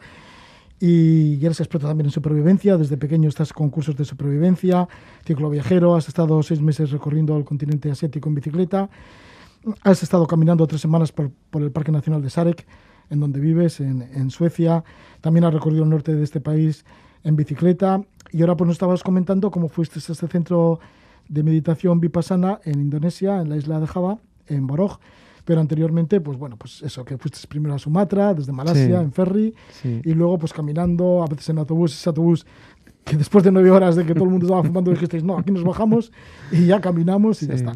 Y nada, y bueno, y finalmente pues sí que habéis hecho Sumatra y Java. Sí, un poquito, sí. Y ahora te viene otra nueva aventura, que supongo que será que no dentro de mucho te irás a la India para casarte con Paqui. Sí, a ver si eso puede facilitar eh, una vida juntos, sí. Bueno, pues que sea así. Y a ver si algún día nos lo contáis. Pues sí, muchas gracias. Que vayas muy feliz por allí, por, por India. Vale, muchas gracias, Roger. Gracias por estar, Pablo Garrido. Un placer.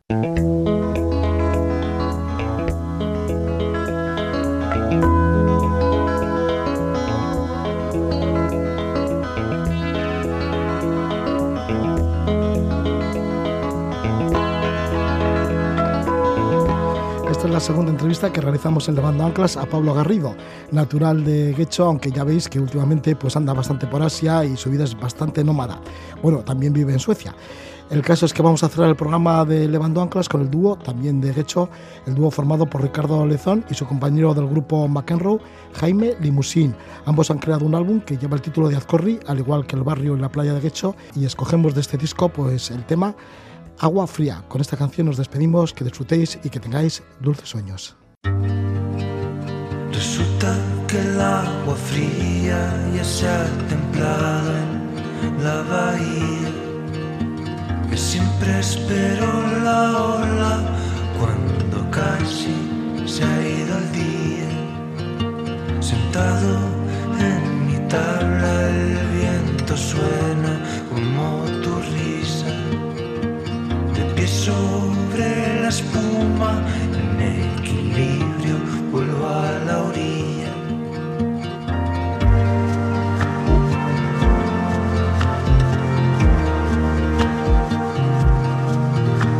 Resulta que caminado descalzo por la acera fría, recordando aquel viaje